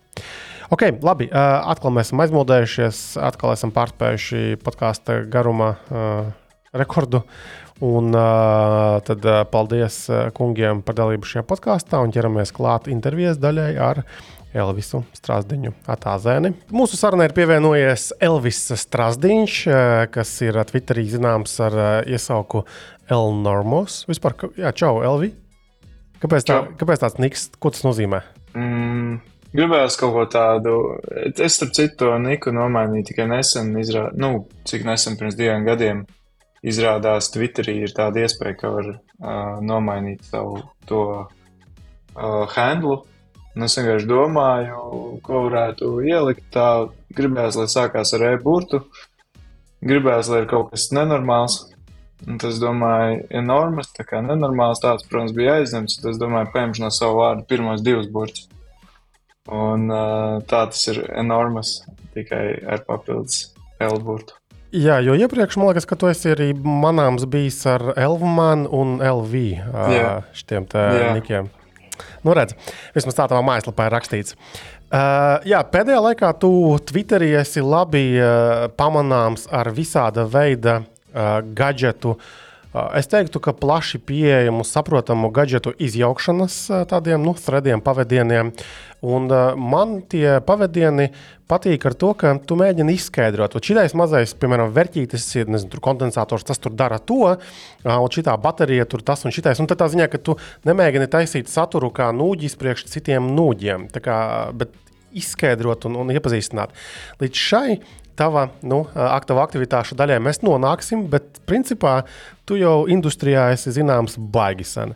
Man liekas, ka es tevi pašu iepazinu no video spēļu izstrādes, game dev puses, kurā tu esi nu, ļoti daudzus gadus, un es vispār gribētu arī šo sarunu patiesībā arī iesākt. Uh, Kā sākās tava aizraušanās tieši ar video spēlēm un tieši video spēļu izstrādi? Un kā, kā tas vispār viss sākās un ko tu darīji, ko, kādas tu spēles esi taisījis un kādu tu organizāciju gal galā izveidojis un, un, un kā tas Latvijā vispār viss tā industrija darbojas, nedarbojas? Jā, es ar spēlēm patiesībā jau aizraujos no ļoti ātras bērnības, bet uh, Tā kā man nebija pieejami rīki, lai veidotu spēles, man vienmēr aizrāvušas galda spēles, Magic the Gathering, ja kāds zina, kā šī spēle 97. gadā iznākusi. Burtiski neilgi pēc tam, kad, kad tā tika izlaista, es arī sāku spēlēt, un man bija tāds sapnis vienmēr izveidot kaut kādu savu galda spēli. No bērnības jau griez ārā visādus uh, kārtas un visādas cilvēciņus un veidoju Un, principā, un ar draugiem spēlēju manas galda spēles. Līdz kaut kādā 2000. gadā man tētis atveda no Vācijas baigo miskasti kompi, nu tādu rītīgāko hlamu. Uh, bet tas šajā gadījumā nospēlēja ļoti pozitīvi, jo pirmais, kad es to atvēru, es nevarēju uz tā nespēlēt spēles, neko darīt, izņemot uh, programmēt. Un tas bija tā, ka man iedod datoru, tagad dari, ko tu gribi ar, ar, ar to Un es sāku, kā jau parasti, kā jau redzēt, Twitterī, sāku laust, skrūvēt to vaļā, ciet kopā. Un tad es nonācu pie tādas programmēšanas valodas QBasic, kas mm -hmm. kādreiz DOSam nāca līdzi Microsoft uh, DOSam. Un tā bija Microsoft uh, izstrādāta, uh, izstrādāts dialekts programmēšanas valodai Basic. Un kad es ieraudzīju, ka man ir iespējams pašam rakstīt spēles, viss es biju uz āķa. Un tieši kā reiz tur nāca līdzi tāda spēle, es neatceros, kā viņu sauca. Tur bija tāds uh, sample fails, kur uh, pētiķi viens otram mētāja virsū granāts un spridzināja viens otru. Un tad es atveru, un es nespēju noticēt, ka šis te teksts, viss, kas tur ir rakstīts, kontrolē tos divus, nu, vispār to spēles procesu un sāku labot, sāku mainīt krāsas, un es tiešām redzu, ka tas viss mainās. Es biju pilnīgā starā. Es vienkārši kopš tā brīža burtiski es eh, to vien darīju, kā lauzu kodu, lauzu eh, dators, visu. Man visu laiku kaut ko vajadzēja kā, izpētīt, eh, uzzināt. Un tad es tiku pie labāka kompja, Un tad jau tas aizgāja jau nu, tādā dziļākā līmenī, kad es jau arī sāku nopietnāk programmēt. Atceros viens spilgts stāsts par, par tādu hakošanu. Es uzprogrammēju programmu, ar kuru varēju daudz ko mainīt Windows vidē. Viena no tām funkcijām bija, es vēl atceros, palaid man programmu, un tad caur komandu rindu kaut kas bija jāmaina. Un viena no tām funkcijām bija SMB atstarp, un tad viens vai nulle, kas nozīmē uh, swap mouse button. Tas bija mans saīsinājums. SMB 0 nozīmē, ka nav samainīts vietām, SMB 1 nozīmē, ka bija samainīts vietām. Un es to savu tūlīti iedevu vienam draugam, un pēc kāda laika viņš atnāca pie manis un saka, ka viņš uzlika uz savu kompju, un uh, katru reizi, kad pieslēdzās, kad pieslēdzās māsa pie kompja, viņš ievadīja ātri SMB 1, apmainīja pogas vietām, viņa uzreiz, kas notika, kāpēc salūz dators, kāpēc tagad ir pogas vietām, un viņš pienāca un teica, ko tu esi izdarījis, tagad tev man jāsamaksā piecīs, un es salgošu visu atpakaļ. un tajā brīdī es sapratu, ka ar programmēšanu patiesībā var pelnīt naudu. Labi, nevar būt gluži tādā veidā, bet uh, tur patiesībā ir arī kaut kāds bizness. Uh, un uh, tad es sāku jau nopietni programmēt, uh, sāku programmēt, uh, bet tas, tas visam tam cauri vienmēr bija tāda spēlēšanās. Un uh, tie, kas domā, ka, piemēram, tur programmētāji baigi nopietni cilvēki, un tie, kas tur, nezinu, spēlēs ar LEGO vai vēl kaut ko, nu, ka tie ir nenopietni, tad jūs maldāties, un mēs to mēs vienkārši pārcēlām LEGO uz datoru, un mēs turpinām spēlēties tikai jau ar nopietnākiem zelžiem. Un uh, tam visam paralēli vienmēr gāja spēles, Bet uh, daudz gadu garumā es esmu izveidojis dažādas spēles, uh, gan pārlūkiem, gan Steamam, gan uh, vietāluņiem. Un tas, ko es sapratu šo visu gadu garumā, ka man patiesībā vairāk nevis patīk veidot spēles, bet man patīk uh, ķimerēties un laust un līst iekšā un saprast, kā strādā datori. Un man vairāk patīk radīt tos rīkus, un lai cilvēki pēc tam uz tā rada spēles. Bet uh, man pašam patīk tieši tā dziļā tā hardware daļa, tieši kā pieslēgties pie video kārtas, kā aizsūtīt viņai komandas, kā redzēt, kas pēc tam notiek uz ekrāna un, un, un tas viss. Un, uh, un tad kaut kādā brīdī uh, es izdomāju, ka vienu tādu lietu, ko es izjaucu, varētu arī ielikt Twitterī. Tas bija, tas bija tas uh, salt switch, uh, elektroniskā cigarete. Un um, es vienkārši apfotografēju visu, ko es tāpat jau darīju, vienkārši izdomāju ielikt Twitterī. Un tad, kad tas viss, nu, tieši tas pavadījums baigi uzsprāga, un man likās nopietni, šitais cilvēkiem patiesībā ne tikai man, bet vēl kādam interesē. Un tas man tādu tā kā, iedeva adrenalīnu, paskatīties, varbūt, ka, varbūt, ka šitādā veidā, jo es nekad nevarēju saprast, es nāku no kuldīgas, un praktiski neviens no maniem draugiem, izņemot vienu vai divus, viņus arī kaut kādā mērā interesē programmēšana, bet pārsvarā vairāk tāda tādu virspusēju, nu, tīri interesē datori, interesē uzspēlēt spēles kaut ko, bet, bet tā pati tā ķimerēšanās daļa baigi nevienu neinteresē. Un es nekad nevarēju saprast, nu, kā tas var būt, ka nevienu tas neinteresē. Un laika gaitā es sapratu, ka vienkārši tie pamācības un visi tie lekcijas un studijas un viss tas ir patiesībā ļoti garlaicīgs. Un tādā veidā viņas pie pie elektronikas un zelžiem nekad nevarētu piesaistīt. Jo gan pasniedzēji ir garlaicīgi, gan tās lekcijas ir garlaicīgas. Viņas vienmēr ir ļoti sarežģītas. Un uh, es sapratu, ka Twitter ir tā platforma, kur es varu to jautrā, foršā, smieklīgā veidā pastāstīt, ka tas patiesībā ir jautri un, un interesanti. Un, uh, un tāds arī ir tas, tas mērķis, ko es mēģinu panākt ar Twitter. Vienkārši jautrā veidā parādīt, ka tas ir interesanti, cerībā, ka varbūt es kādu pārliecināšu tomēr pārnākt to dark side un, uh, un arī varbūt sākt ķimerēties. Es ceru, ka es to esmu izdarījis. Kaut kādā mērā noteikti, jā, un, un uh, dzirdot tas, kā tu to stāsti un pasniedz, principā tas ir hackings. Un uh, tādā populārā uh, Kultūrā cilvēkiem ir tāda nu, slikta konotācija, negatīva šim vārdam, bet principā hackings tas ir skaisti. Tas ir, un pie tam hackings jau nav tikai par uh, tehnoloģijām. Hackings tas ir iedziļināšanās līdz pašiem dziļumiem, uh, problēmā, ierīcē, jebkamā nezinu, sistēmā kaut kādā. Uh, un tad mēģināt saprast, kā tā darbojas, lai nu, atrisinātu kaut kādu problēmu vai, vai, vai, vai saprastu, kā tas dar, darbojas galu galā. Tāpēc hackings tas ir skaisti, skaisti un, un to ar to nodarbojas. Kādā vecumā tu vispār sāki ar tiem basiciem tur ņemties? Tas bija kura klase, cik gadu nu, tas bija? Jā, kā jau teicu, tas bija kaut kāds 2000, 2001. Tad man varēja būt kaut kādi 14 gadi, kaut kas tāds. Tu biji pamatskola, plēlam tā ir. Jā, un, jā. un tajā laikā programmēšana nebija tik izplatīta.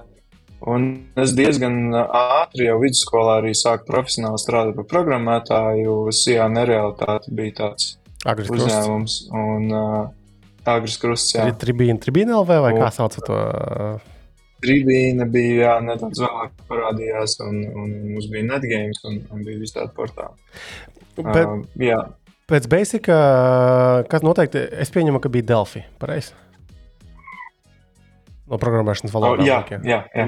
Tāpēc, ka vienkārši tas, ko tu stāstīji, arī, uh, lai arī es neesmu kļuvis par programmētāju tagad, uh, tagadējā dzīvē, bet es pilnībā atceros, uh, tur bija gan Quick Basic, gan arī Q Basic. Tur bija atšķirības mazas starp šiem abiem diviem, bet tas ir, man liekas, visvienkāršākais, kā saprast, uh, nu, kā, kā darbojas šīs lietas. Un man bija līdzīgas arī sajūtas, ka, wow, šitais tiešām tur kaut ko kustina vai, vai, vai kaut kādas lietas notiek no tā, no tā koda gabala. Un savukārt Delphi gadījumā uh, vismaz es taisīju tādu attālinātās kontroles rīkus. Tad mēs instalējām tur serveri uz skolas datoriem, piemēram, un swapmaus buttons bija viens variants. Tad tur nezinu, piekļuva failiem kaut kādiem nu, standarta lietas, ko, ko tu varētu iedomāties ar tiem Windowsiem, kas tur toreiz bija, nezinu, Windows Millennium vai Windows 98. Mm -hmm. Tas bija. Inter, es, es gan biju iesprūdu uz Basic, jo tur bija tāds, man bija arī nesen pavadījums Twitterī par Dark Basic es tomēr devu vēl basicam cerību, ka, ka tomēr tur var kaut ko izveidot nopietnu un nopirkt dārgu basic.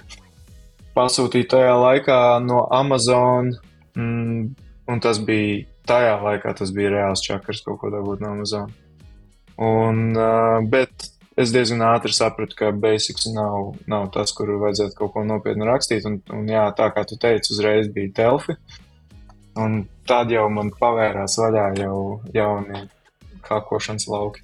Es LinkedInā paskatījos, ka tev ir pirmkārt diezgan daudz tiksim, darba pieredzes dažādos uzņēmumos. Tu tur ne visos baigi ilgi esi strādājis, bet lielākajā daļā tev ir C. Un C tāda varbūt atkal mazāk izglītotiem tehnoloģiju jomā cilvēkiem šķiet ārkārtīgi sarežģīta lieta, ārkārtīgi dziļa.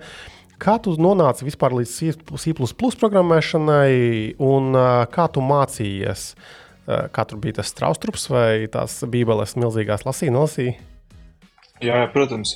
Man starp citu ir, eh, nu jā, šeit nav video ieraksts, bet man ir grāmata ar, eh, ar uh, an, jā, labi, tad man ir grāmata ar Skotu Meijers, kas ir viens no tādiem um, korifejiem C++.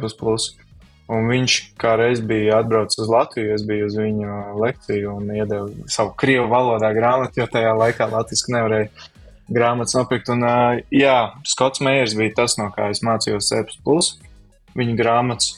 Un kāpēc es līdz tam nonācu? Jo, nu, tajā laikā rakstīt normālu programmatūru video kartēm, kas ir principā spēles, nekur citur tā nopietni nevarēja. Delfi varēja, bet tas bija, tas bija nebija tik populārs veids un attiecīgi normālu dokumentāciju vai palīdzību, piemēram, jo tajā laikā arī izveidojas aptuveni devu GAMEZLV fórums, un tur, protams, visi nopietni cilvēki to visu rakstīja C++.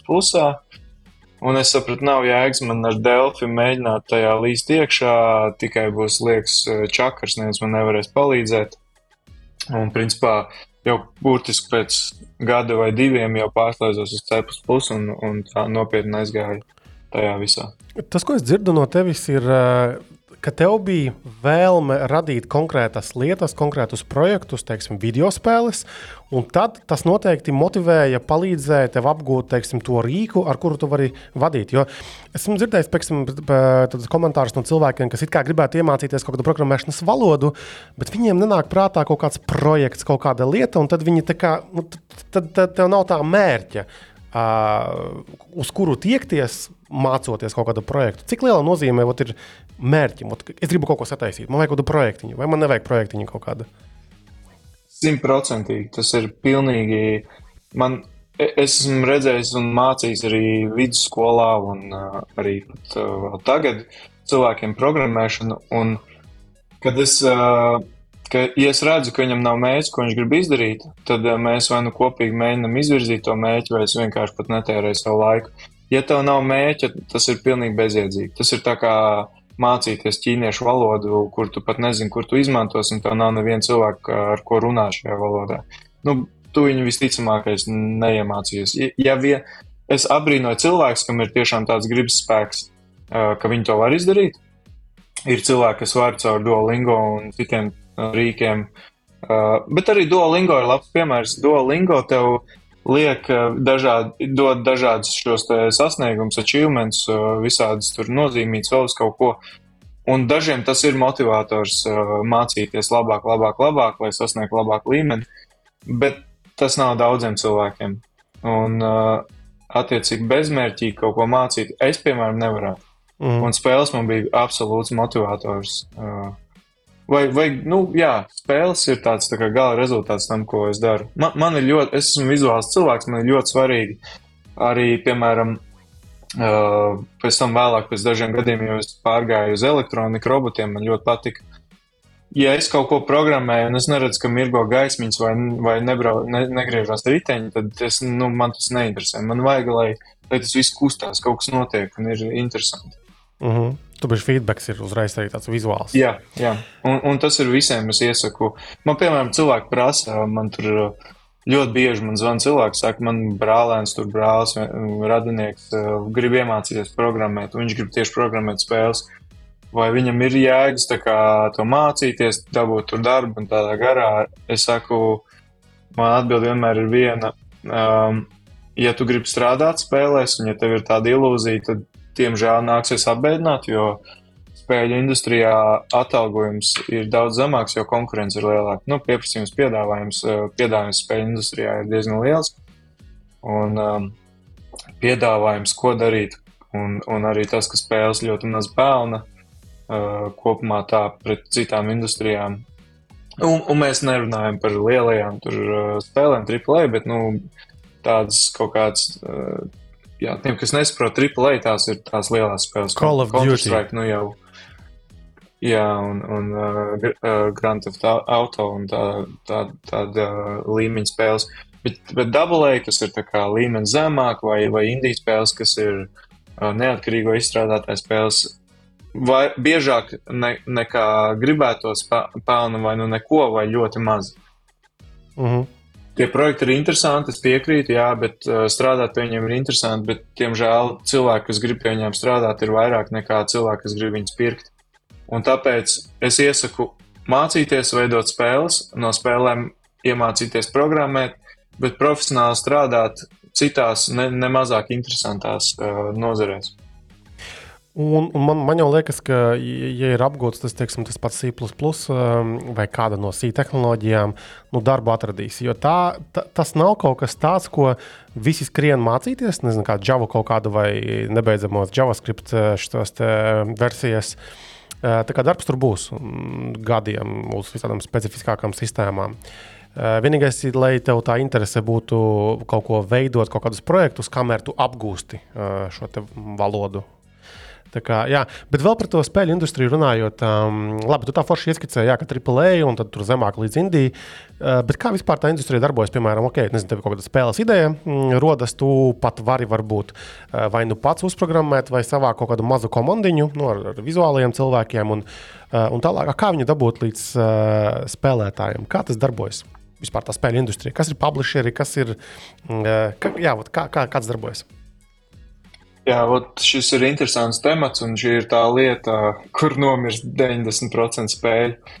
Uzprogrammēt spēli, tā ir tāda pirmā, tas ir pirmais solis, tikai tie ir, kā, kā, kā mēs parasti jokojam, tie ir pirmie 90%, un tad ir atlikušie 90%, kas ir viņu nogādāt līdz spēlētājiem. Un, un šeit sākās, jā, daudz lietas. Pirmkārt, iesniedzot dažādos veikalos, Steam jau ir palicis um, nedaudz uh, maigāks, bet uh, visos pārējos veikalos ir uh, QA cilvēki. Pirmkārt, tev līdz viņiem jātiek, lai līdz viņiem tiktu jābrauc pa konferencēm, jāmeklē kontakti. Un es runāju, piemēram, par Nintendo Switch vai, vai Playstation vai citām konsolēm, vai tie ir VR marketi, piemēram. Uh, viņos pārsvarā praktiski visās platformās, izņemot dators, ir nedaudz vienkāršāk, bet uh, tādās platformās ir QA cilvēki, kas iet cauri tavai spēlē. Un tad, zināmā kā, spēle ir kā tavs bērniņš, ko tu esi radījis gadiem ilgi, jo nu, izstrādāt spēli tas ir diezgan sarežģīti un laikietilpīgi. Un tad atnāk kaut kāds onkulis un sāk viņu bakstīt un sāk kritizēt. Tavs bērniņš nevar to uh, spēles vidū, cilvēks izrauj pulti. Un pēc tam iesprāž otrā portā, un tā spēle tajā brīdī pilnībā nojūg un tev skaņa neskan tā, kā vajadzētu, un, un uh, tev pogas neatbilst mūsu kritērijiem, tādā garā. Un tad, kad tev jāsāk šīs lietas labot, kas izraisa vēmienu, tu atmetam visam ar roku, vienkārši izmet to, to spēli podā. Tā ir viena daļa. Otra daļa ir reāli dot, uh, testēt cilvēkiem un, un ievākt uh, feedback no viņiem. Uh, tā saucamie playtesti, un tad cilvēki saka, man nepatīk tas, man neinteresē tas, un no tā viss atlasīt to, kas ir tāds uh, valīts uh, feedbacks uh, un, un kas, kas nav. Un tas viss ir uh, tāds ļoti demotivējošs pasākums. Tālāk publicēšana pašā tajā veikalā, reklamēšana, uh, visi riebīgie user acquisition un vispārējais, tas viss. Publishers ir vēl jautājums arī, jā, publisherim tev jādod no savu bērniņu daļa kaut kāda, lai viņš tev Ko viņi dara? uh, ielikt. Kas ir viņu uzdevums? Jā, jā. publishers, agrāk publishers, principā bez viņa tu nevarēji palaist savu spēli ne, nevienā platformā. Jo tev vajadzēja kādu kompāniju, kas iespiež diskos, kas izplatīja šos diskus, izliek veikalos. Uh, Nintendo gadījumā tev vajadzēja arī no Nintendo dabūt, jo Nintendo pats publiskoja spēles. Tev bija nu, Nintendo Entertainment System.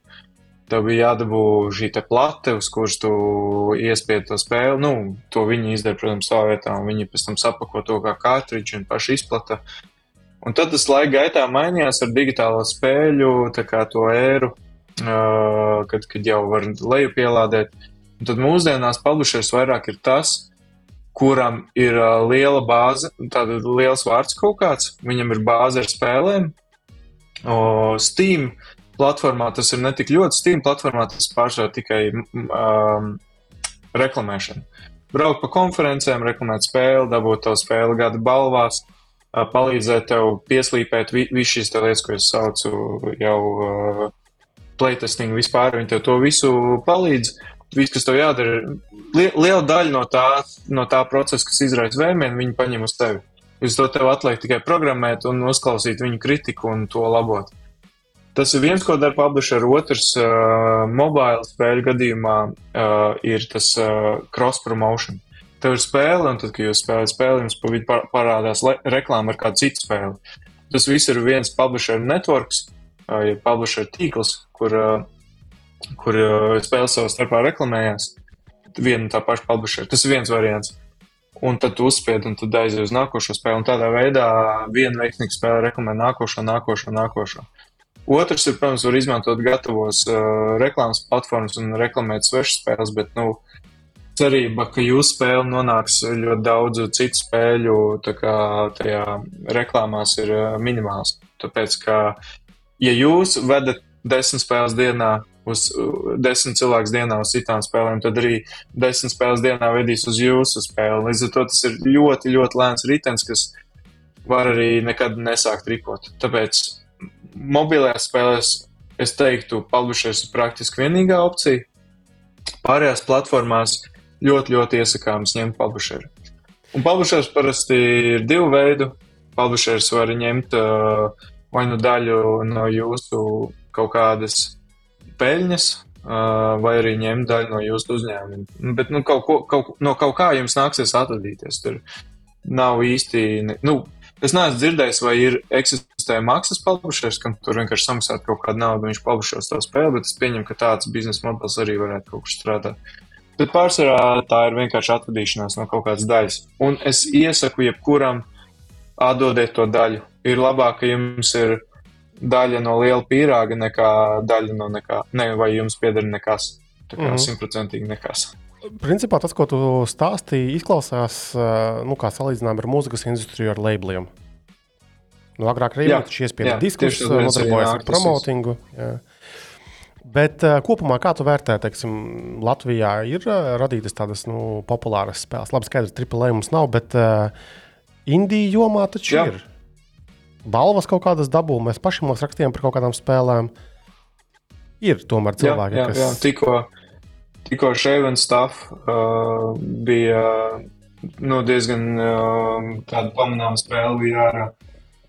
Uh, tad tikko uh, tā uh, detektīva spēle. Uh, jā, nu. Es arī nosaukumu aizmirsu, bet, bet es zinu, ļoti drūmi. Pilnīgi izskatās no galvas. Jā, viņas, viņi norāva vienkārši visas iespējamās balvas uh, visur. Un, un, un, uh, jā, tā kā pēdējā laikā kaut kas šeit, šeit top, ir, bet tas nenozīmē, ka tikai tagad. Mums uh, joprojām Latvijā ir Innovate, kas ir daļa no Game Insight. Uh, Game Insightam ir diezgan tādas populāras spēles. Uh, Latvijā varbūt cilvēki nezina, bet pasaulē viņas ir zināmas uh, un, un, un, un populāras spēles tieši vietā ar viņiem. Vēl mums ir studijā. Uh, mums ir uh, studija no uh, bija labi, jā, mums ir Tiny Build, viena studija šeit arī. Uh, un arī viņi izplata, nu, publishings Latvijā ir izplatītājs, un, un viņi izplatā, pieņemsim, uh, Spiderhack ir tāda spēle, kas uh, drīzumā arī visticamākais būs ziņu virsrakstos. Mhm. Un, uh, tā kā, jā, mums te kaut kas notiek. Uh, Man, manuprāt, liels grūdienis šim visam bija Draugiem LV platforma, spēļu sadaļa. Fermas. Uh, kas, jā, fermas vispārējais ļoti daudz uh, spēļu izstrādātāju izlīd no, no, no šīs platformas. Vai ir kaut, kāda, kā- ir kaut kāda viena lieta, kas nosaka, ka tā spēle būs veiksmīga, vai tomēr tā nav pasaka tāda un ir jābūt vairākām lietām, kas sakrīt, sanāk pie tam pareizā laikā, lai varētu pacelties kaut kāda spēle? Kāds to skatījums ir? Jā, precīzi tieši tā kā tu saki. Ja tev liekas, ka tu, spē, ka tu strādā pie kaut kādas baigas unikālas idejas, tad nu, man te nāksies apbēdināt tādu ideju. Visticamāk, jau kaut kur ir uh, jau palaista un nomirusi. Uh, tur vairāk ir viens, kas ir industrijā trendi, Mhm. dažādi, kas šobrīd ir aktuāls. Otrs ir, protams, uh, kāds, cik tev ir uh, rīki, lai šo spēli promotētu, izplatītu. Trešais ir, protams, arī sakritība. Uh, var vienkārši uzsprāgt spēli, jo, jo cilvēkiem iepatīkās. Tur ir ļoti, ļoti daudz tas tāds komplekss pasākums. Un arī vēl kas atkarīgs no žanra. Tur palaist vienā žanrā ar sliktu grafiku, un, uh, un viņi varbūt ir pat labāka spēlējumība nekā citām līdzīgām spēlēm, bet grafika vienkārši nav un cilvēki nespēlē. Un tad ir cits žanrs, kā mans pieminētais detektīvu žanrs, kur uh, ir dažāds ar ļoti skaistu izsmalcinātu grafiku, bet uzsprāgt tieši šī, tāpēc ka šeit, šajā žanrā grafika, acīm redzot, cilvēkiem nav tik svarīga kā, kā tieši tā domāšana un, un tās mīklas. Tā kā Tas viss ir ļoti, ļoti komplekss un tas ir jāpēta. Jā. Bet, jebkurā gadījumā, tu jau esi saistīts ar tām uh, spēļu lietām, un gan jau, ka cilvēki var uh, uzmeklēt tevi un pajautāt jautājumus, teiksim, hei, kā man sākt, vai hei, kā man darīt vai nedarīt kaut kādas lietas. Jā, protams, es joprojām uh, eksperimentēju ar, ar 3D, un man ir arī savs uh, game engines, uz kā var rakstīt. Nu, tas ir game engines, tā ir biblioteka kā kopums, kurā tu arī ielikt savu spēles loģiku, un tev ir burtiski gatava spēle. Uh, GitHubā pieejams uh, atvērtā pirmkoda, kā mans daudzus gadus izstrādāts lielojums. Uh, bet paralēli tam es visu laiku eksperimentēju ar jaunākajām 3D tehnoloģijām, uh, pakonsultēju uzņēmumus, kas arī strādā pie spēlēm uh, un uh, palīdz arī šo to ar kodu. Tā kā prom no tā visas pilnīgi noteikti neesmu. Ok, forši. Kur tu šobrīd strādā? Kas ir tavs uh, tāds dienas darbs? Šobrīd es strādāju akciju sabiedrībā Capital, bet es netirgoju preces, es programmēju. Uh, programmēju principā ri, uh, resursu vadības sistēmu. Okay. Visu tātad, ja jūs, ja jūs nopērkat savu iPhone kapitālā, tad tas iekritīs tajā sistēmā, ko es programmēju. A, tu tur sen esi vai nepārāk sen? Nē, es šobrīd ir trešais mēnesis. Oh, ok, forši. Uh, bet tu uh, pirms kaut kāda laika arī publiski runāji par to, kā tu pieteicies Amazonā strādāt. Man uzaicināja. Uzaicināja. Bet tu arī plašāk stāstīji par visām šīm te intervijām, arī tāda kalibra kompānijās, tur par Google un tā. Uh, tad, uh, jā, pastāsti, cik reāli vispār, teiksim, programmētājiem no Latvijas um, tikt strādāt šajās nu, top, top uh, līmeņa uh, kompānijās, kāds ir tas interviju process, kāds bija tavs interviju process un kā tur beigās, kāpēc tu nestrādā Amazonā? Jā, atbildot uz jautājumu, cik reāli, ja tieši šodien, nereāli, jo visi ok. okay. tiek laist vaļā cilvēki. Bet uh, kopumā ļoti reāli. Kopumā, uh, ja tu esi tāds uzcītīgs cilvēks, kas uh, ļoti mācās programmēšanu un uh, uh, kam tā ir sirdslieta, uh, tad uh, to, var, to var izdarīt. Um, Un, ja tu pats būsi ļoti uzbāzīgs un rakstīsi šīm kompānijām, tad tā iespēja palielināsies. Es pats nekad neesmu rakstījis kompānijām, piete... izņemot vienu. Jā, vien, vienu reizi gan es esmu sūtījis savu CV kādai, kādam uzņēmumam, bet Kuram? pārsvarā ir Ubiquiti networks. Okay. Bet, Jā, bet tu strādāji gabaliņā tur bija pie stāsts. Kas? Bet tu strādāji pie viņiem, es redzēju, LinkedIn. Jā, es strādāju, jā, jā. Uh, un, un tur bija, nu, tur uh, vienkārši tas ir, manuprāt, viens no labākajiem uzņēmumiem Latvijā, kur vispār strādāt. Tā kā, ja kādam ir iespēja tikt Ubiquiti, tā kā vispār pat nedomājiet, ejiet momentā. A, kāpēc? strādāt. A, kāpēc? Jā. Kāpēc tas ir ka- tas ir strādāt pie pasaules līmeņa produktiem, ā, kas ir reāli, ko cilvēki lieto. Šis ir, šis ir tāda viena lieta, kas ir man liela sāpē, ka gandrīz ā, nu, neviens no uzņēmumiem, kurā es esmu strādājis, nekad nav nonācis līdz uh, reālam produktam, ko cilvēki lietot. Vienmēr es esmu bijis pieslēgts projektiem, kas ir tādi eksperimentāli. Nu, pamēģināsim, varbūt šis aizies, un tas ir tāds nepārāk labs veids. Tas ir patiesībā diezgan nepareizs veids, kā iet biznesā. Mēģināt kaut ko sēdēt, zinu, pie aliņa, izdomāt kaut kādu ideju, un pēc tam, ej, paņemšu cilvēku, lai man uzprogrammē. Un es varu uzprogrammēt jebko, tā kā jūs varat man iedot jebko uzprogrammēt, nu, izņemot, protams, varbūt ne, ne gluži raķetes palaist kosmosā, bet, uh, bet uh, es vairāk negribu programmēt jebko, es gribu programmēt lietas, ko cilvēki reāli lieto, un Ubiquiti Networks ir tieši tā vieta, kur tiešām tiek darīts lietas, kas nonāk pie, pie cilvēkiem. Un um, jā, tas, ka šo uzņēmumu zina visā pasaulē, varat aizbraukt jebkuru pasaulē, pateikt, ka jūs strādājat Ubiquiti, uzreiz būs uh, kā sapratīs, par ko jūs runājat. Un tas, ka lietas ir ļoti interesantas, tā ir, tā ir tie ir dzelži. Tīkla aparatūra, video Jā. aparatūra. Jā, jā, jā. Viņi, viņiem starp citu bija tāds baigi interesants produkts, um, uh, tā kā kaklā iekarama kamera, uh, bet laikam dead vairāk viņas viņu neizmanto. Mhm. Jā, viss. Mhm. Jā, bet bija, bija jā, kameriņa tāda. Man Uh, stāv vēl, vēl skapī vien tāda. jā, jā, un, un man liekas, ka viņa bija novesta līdz tam, ka tas ir produkts reāls. Kaut kā viņa darbojās, bet laikam nepareizā laikā bija šī ideja. Varbūt kādreiz vēl atnāks kaut kas līdzīgs. Mhm. Jā. Bet, Jā, jā. bet atpakaļ pie tiem Google un, un tiem Amazoniem. Tātad. Jā, un kā jau es teicu, tad izņemot Ubiquiti, nekad neesmu rakstījis savu CV.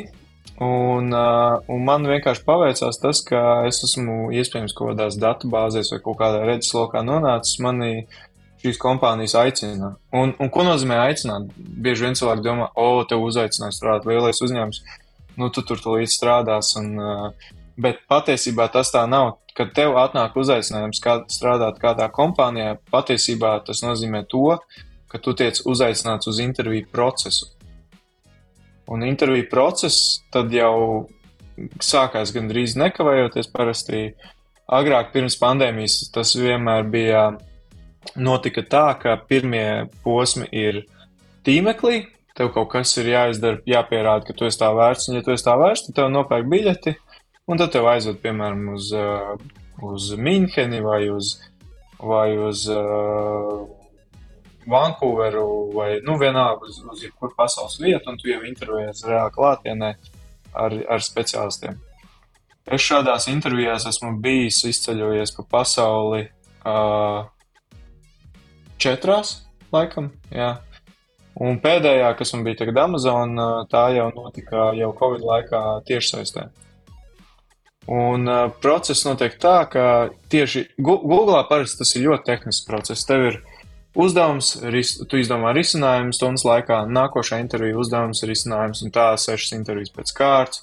Vakarā tev gribās vienkārši nomirt no tās slodzes, un pēc tam tev burtiski nedēļa vēlāk paziņo, vai tu tiec uzņemts uzņēmumā vai, vai nē. Kā tas Amazonā notiek? Jā. Kas? Kā Amazonā notiek tas? Tāpat vai citādāk? Amazonā, Amazonā ir tā, ka ir tehniskā intervija, ir tikai, uh, uh, ja nemaldos, 60 vai 80% no intervijas. Bet uh, 20%, bet nevajag ne, ne, nemācīt sev, ka tie ir tikai 20%, un uz tiem var nemācīties. Tie ir šie līderības principi, par ko es arī rakstīju Twitterī.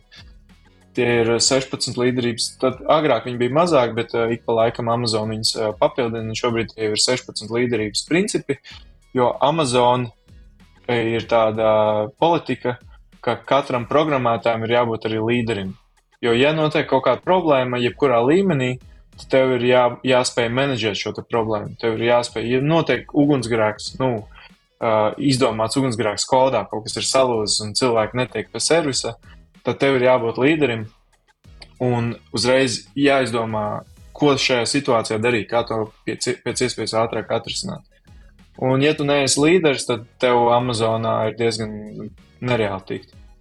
Un uh, cilvēki bieži vien, kā es, pirmās divas intervijas, vai jā, pirmās divas intervijas ar Amazon, e, es biju, es biju Kīvā 2015. gadā, ja nemaldos, kad es pirmā reize intervējos ar, ar Amazon, un es satiku kādu cilvēku no Amazon, kurš bija no kanādietis. Es biju vienā spēļu konferencē, Nu, un me, viņš, un viņš tā, oh, tu intervējies Amazonā, tad uh, pievērs uzmanību līderības principiem. Tā kā, nu, noteikti pamācies viņus, jo, jo tas ir ļoti svarīgi. Un es tā, jā, jā, nu, protams, pamācīšos, tur viņas pārlasīju, un, uh, protams, ka es izlidoju, tāpēc, ka pēc tām atbildēm, ko es tur atbildēju, nu, nu tā bija kaut kāda miskasta pilnīgākā. Un tad jau vēlāk es jau samācījos uz viņiem, otrā reizē es joprojām neizturēju, jo ļoti svarīgi viņam ir arī arhitektūras intervija. Arhitektūras intervijas pilnīgi tā kā ignorēju. Es domāju, nu kas, cik tad var būt grūti uzzīmēt arhitektūru. Un es sāku pie tāfeles viņu zīmēt, tas bija Tallinā uh, intervija. Un, uh, un, protams, ka es nu, pilnīgi absolūti izgāzos tur tajā uh, līderības principā. Varbūt pat nebija slikti, bet tieši arhitektūras intervija man pilnīgi iegāza. Un uh, trešo reizi, kad es jau mēģināju, tad jau, protams, es jau visu biju noslīpējis. Uh, un, un, un, un, un, jā, un tad arī izturēju, un man atnāca Amazon piedāvājums. Mm -hmm. Principā viņi bija gatavi viņam darbā. Viņi jau man pieņēma darbā, mēs parakstījām darba līgumu. Es biju es tehniski skaitījos darbinieks Amazon. Bet aizsiešanās bija tāda, ka uh, man bija jākārto vīzu. Man vīza bija jābūt gatavai oktobrī, un es jau būtu, ja, ja vīza būtu, gatava, bijus, būtu bijusi gatava oktobrī, es jau būtu šobrīd Vankūverā, jau strādāt Amazonā. Bet, Bet uh, nezināmu iemeslu dēļ process ļoti ievilkās līdz pat decembrim, līdz decembra otrajai pusē. Un decembra otrajā pusē man paziņoja, ka es jau saņēmu vīzu, bet es jau biju tāds, jau tāds nedaudz skeptisks, jo es ļoti daudz lasīju par Amazonu, vispār par to, Uh, kā ir uh, strādāt Amazonā, un tas uh, nebija tāds iepriecinošs. Nu, tur ir ļoti Amazonā, ja cilvēkiem domā, ka tā, ja cilvēki domā, ka tā ir tā kā tāda paradīze, tad tā nav. Googlā, Googlā es ar, ar, ar daudz lielāku entuziasmu strādātu nekā Amazonā. Un, bet, nu, diemžēl no Google es nesaņēmu piedāvājumu, kad es biju Minhenē arī izgāzos vienā no intervijām. Un, un decembrī mums bija zvans. Manuprāt, tas bija decembris vai janvārs. Neatceros, Twitterī jāpaskatās, kad es to anonīms zvans, ka nu, mēs, mums ir lielais hire freeze, mēs apstādinām kā, šo jauno cilvēku pieņemšanu, bet uh, vēl, vēl tev ir iespēja kā, tikt Un es tāds jau sāku uzlpot, bet varbūt, varbūt es reāli netikšu. Varbūt, ka tomēr man nevajadzēs braukt projām. Man arī negribās pamest visus draugus un mājas, tad tomēr ir reāli forši un lēti. Uh, te, te, nu, jā, varbūt cilvēki tam nepiekritīs, bet uh, jūs nezināt, cik maksā dzīvot Vankūverā un strādāt par varbūt nedaudz lielāku algu kā šeit, Palma Latvijā, bet maksāt Vankūveras cenas. Tas, uh, nu, būsim atklāti, mans dzīves līmenis ļoti, ļoti, ļoti pazeminātos. Tas nav tā, ka es atbrauktu uz Amazonu un dzīvotu tagad paradīzē. Tas būtu daudz sliktāk, es dzīvoju šeit. Un uh, mana tā ilūzija, mans burtiski vienīgais mērķis, kāpēc gribēju aizbraukt uz Amazonu, bija strādāt pie lieliem produktiem, ko cilvēki tiešām lieto, daudz iemācīties un pēc tam atvest šīs zināšanas uz Latviju un, un varbūt šeit kaut ko lielu uzbūvēt. Bet, uh, bet kad, kad mēs ejam Glasgow un palasām cilvēku atsauksmes par to, kā ir strādāt Amazonā, tad viens no top komentāriem, kas man baigi tā palika atmiņā, ka ja jums ir ilūzija, ka jūs šeit varēsiet ietekmēt liels procesus un ļoti daudz iemācīties, tad jūs ļoti maldāties. Tā kā ļoti smagi. Un e, šis viss, jā, tātad zemāks dzīves līmenis, tas, ka es patiesībā neko baigi tur netikšu pie lielām lietām, iemācīties lielas arhitektūras būvēt un tādā garā, un tas, ka Amazonā darba apstākļi nav tik patīkami, cik uh, varētu likties. Uh, Viss šis PIP process, par ko es rakstīju veselu pavadienu par uh, Personal Improvement programmu, kā Uh, apakšējie 10% vienmēr iekrīt PIP programmā, un no, te, no tās PIP programmas lielākā daļa izlido pavisam no uzņēmuma. Un, uh, un, šai, un atšķirībā no citām kompānijām, piemēram, Google vai citām, Amazonā uh, to, uh, apakšējie 10% vienmēr viņā nonāk. Un ko tas nozīmē? Tas nozīmē, ka tu savā produktivitātē nes, ne, netiec mērīts pēc savām spējām, vai tu izdarīji labāk nekā tu varēji, vai sliktāk, bet tu tiec mērīts relatīvi citiem. Relatīvi cilvēkiem, kam nav ģimenes, kas ir kā, dienu un nakti strādā, kam nav work-life balance, tu tiec mērīts pret viņiem. Un, attiecīgi, tu vari ātri ielidot piku procesā un izdot no tās kompānijas. Tā kā, un to visu pastiprina fakts, ka ir hire freeze, ka cilvēki tiek atlaisti. Principā, ja es oktobrī būtu aizdevis uz Amazon ar savu ģimeni, visu, jo mums visai ģimenei ir vīzas Kanādā. Starp citu, man joprojām ir. Uh, mēs iespējams tagad jau runātu šeit, bet es jau kā, kā pabijis Kanādā cilvēks ar tevi runā. Jā. jā. Un, uh, un jā, un pēc tam janvārī, ja nemaldos, bija jau otrā saruna, kad teica, nu, mēs ne tikai uh, iesaldējam uh, kā, visu jauno kā, nu, pārcelšanās procesu, bet mēs arī atlaižam cilvēkus. Kā, diemžēl jūs arī tiekat atlaists, bet jūs saņemsiet kompensāciju. Tā kā, oh, ok, vispār ideāli. Man ne tikai nav jābrauc uz Kanādu, bet es vēl arī dabūju kompensāciju. Kā, un jā, man bija jāpala, jāparaksta līguma laupeni. Tā kā tehniski, laikam juridiski es skaitos bijis Amazon darbinieks. Es nezinu, Jautājums juristiem, es varu šo ielikt savā CV vai nevaru? nu, tehniski gan jau, ka jā, tāpēc uh, lietas nu, jā. LinkedIn un tā. Vispār milzīgs paldies, ka jā. tu tik detalizēti un atklāti stāsti par šo procesu. Un man ļoti patika tas arī komentārs tavs, um, ka Uh, pat ja šķiet, ka teiksim, nezinu, šajās te ārzemju milzīgajās kompānijās, un tīpaši varbūt Kanādā vai tajā pašā slavinātajā Silīcija ielā, ir ārkārtīgi milzīgas algas, nu, ir īpaši Amerikā, pie tam viņi norāda gada griezumā, un tad tur liekas, ja tur, nezinu, tur simti tūkstoši kaut kādu dolāru. Bet tad, kad tu saproti, ka tev par nezinu, istabu vienu var nākties katru mēnesi maksāt tur, uh, vairākus tūkstošus dolāru, piemēram. Un nedod Dievs, tu esi nonācis dzīves situācijā, es pēdiņās, protams, saku, ka tev ir ģimene un pamēģināt silīcija ielējā par dārziņu kaut ko iedomāties vai aukli, tad arī no tavas ārkārtīgi pret Latvijas algu līmenī milzīgās algas nekas tur nepietiek. Es pateikšu, piemēru, tāds dzīvoklis kā man, varbūt nedaudz mazāks lai varētu četru cilvēku ģimeni dzīvot, tur maksā 4000 kanādas dolāru mēnesī. Bet, lai viņā ievāktos, tev ir jāsamaksā divu mēnešu depozīts un vienu vien mēnešu komisija māklerim. Tātad tikai lai ievāktos uh, dzīvoklī, tev jau ir jāsamaksā 12,000 kanādas dolāru. Yep. Un, uh, un šādas cenas, un, un ja tu pielīdzini tai algai, Uh, tad tas uh, patiesībā ir ļoti liels kritums dzīves līmenī. Mm.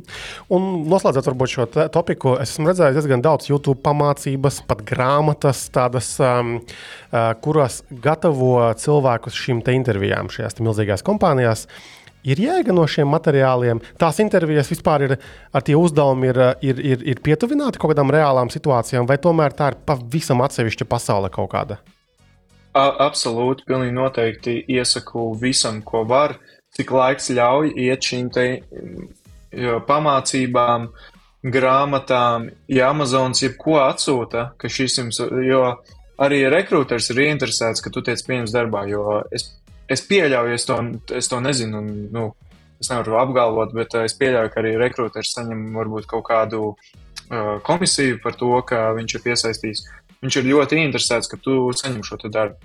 Iespējams, ka tā nav. Iespējams, viņš man radīja tādu ilūziju, lai man liktos, ka viņš ir manā pusē, spēlē šo good, cop, bad cop, vai ne? Ka viņš kā, es esmu tavā pusē, vecīt, tā centies mācīties. Un, un, un, un es, es nezinu, kāda ir viņa motivācija, bet viņi ļoti palīdz. Un viņi tev sūta dažādas materiālus, kurus tev ieteiktu palasīt, pamācīties. Un, uh, es iesaku nedarīt tā, kā es darīju Google gadījumā, un neignorēt. Burtiski vienu grāmatu, ko man ieteicis Google aizlasīt, es viņu burtiski lasīju lidmašīnā, lidojot uz Minhenu. Kas ir absolūti, kā es jums neiesaku gatavoties uh, Google intervijām. Ok, skaidrs. Labi. Paldies par šo daļu. Tagad atpakaļ pie tiem ierīču izjaukšanām. Tātad tu biji pajaucis, ko? Tātad tu minēji, ka pirmais bija saltiņš. Ja? Jā. Kaut ko baigi interesantu tur atklāja tajā vērtī, vai ne īsti? Mm, man varbūt nebija tik interesanti, cik cilvēkiem, kas uh, lasīja to. Jo toreiz bija tā. tā Tā visa atsauksme no publikas, jo publika Twitterī neko tādu nebija redzējusi. Jā, jā, tas gan. Tas gan. Uh, Globāli ir un, tāda un tā atsauce bija. Jā, globāli cilvēki jau cārā, bet zin kā tas ir angliski, tas ir bieži vien ne, arī tie cilvēki, kam es sekoju, viņi uh, nepasniedz to, nu, zin kā viņiem ir lielāka auditorija, viņiem to savu vārdu var izplatīt daudz uh, tālāk, arī runājot ar sarežģītu terminoloģiju? Mums Latvijā, nu, diemžēl tas tehnoloģiju līmenis varbūt nav tik augsts, cik gribētos. Es gribētu, ka mēs būtu tehniski tādā līmenī, tehnoloģiski vismaz kā Igaunija vai, vai vēl augstāk.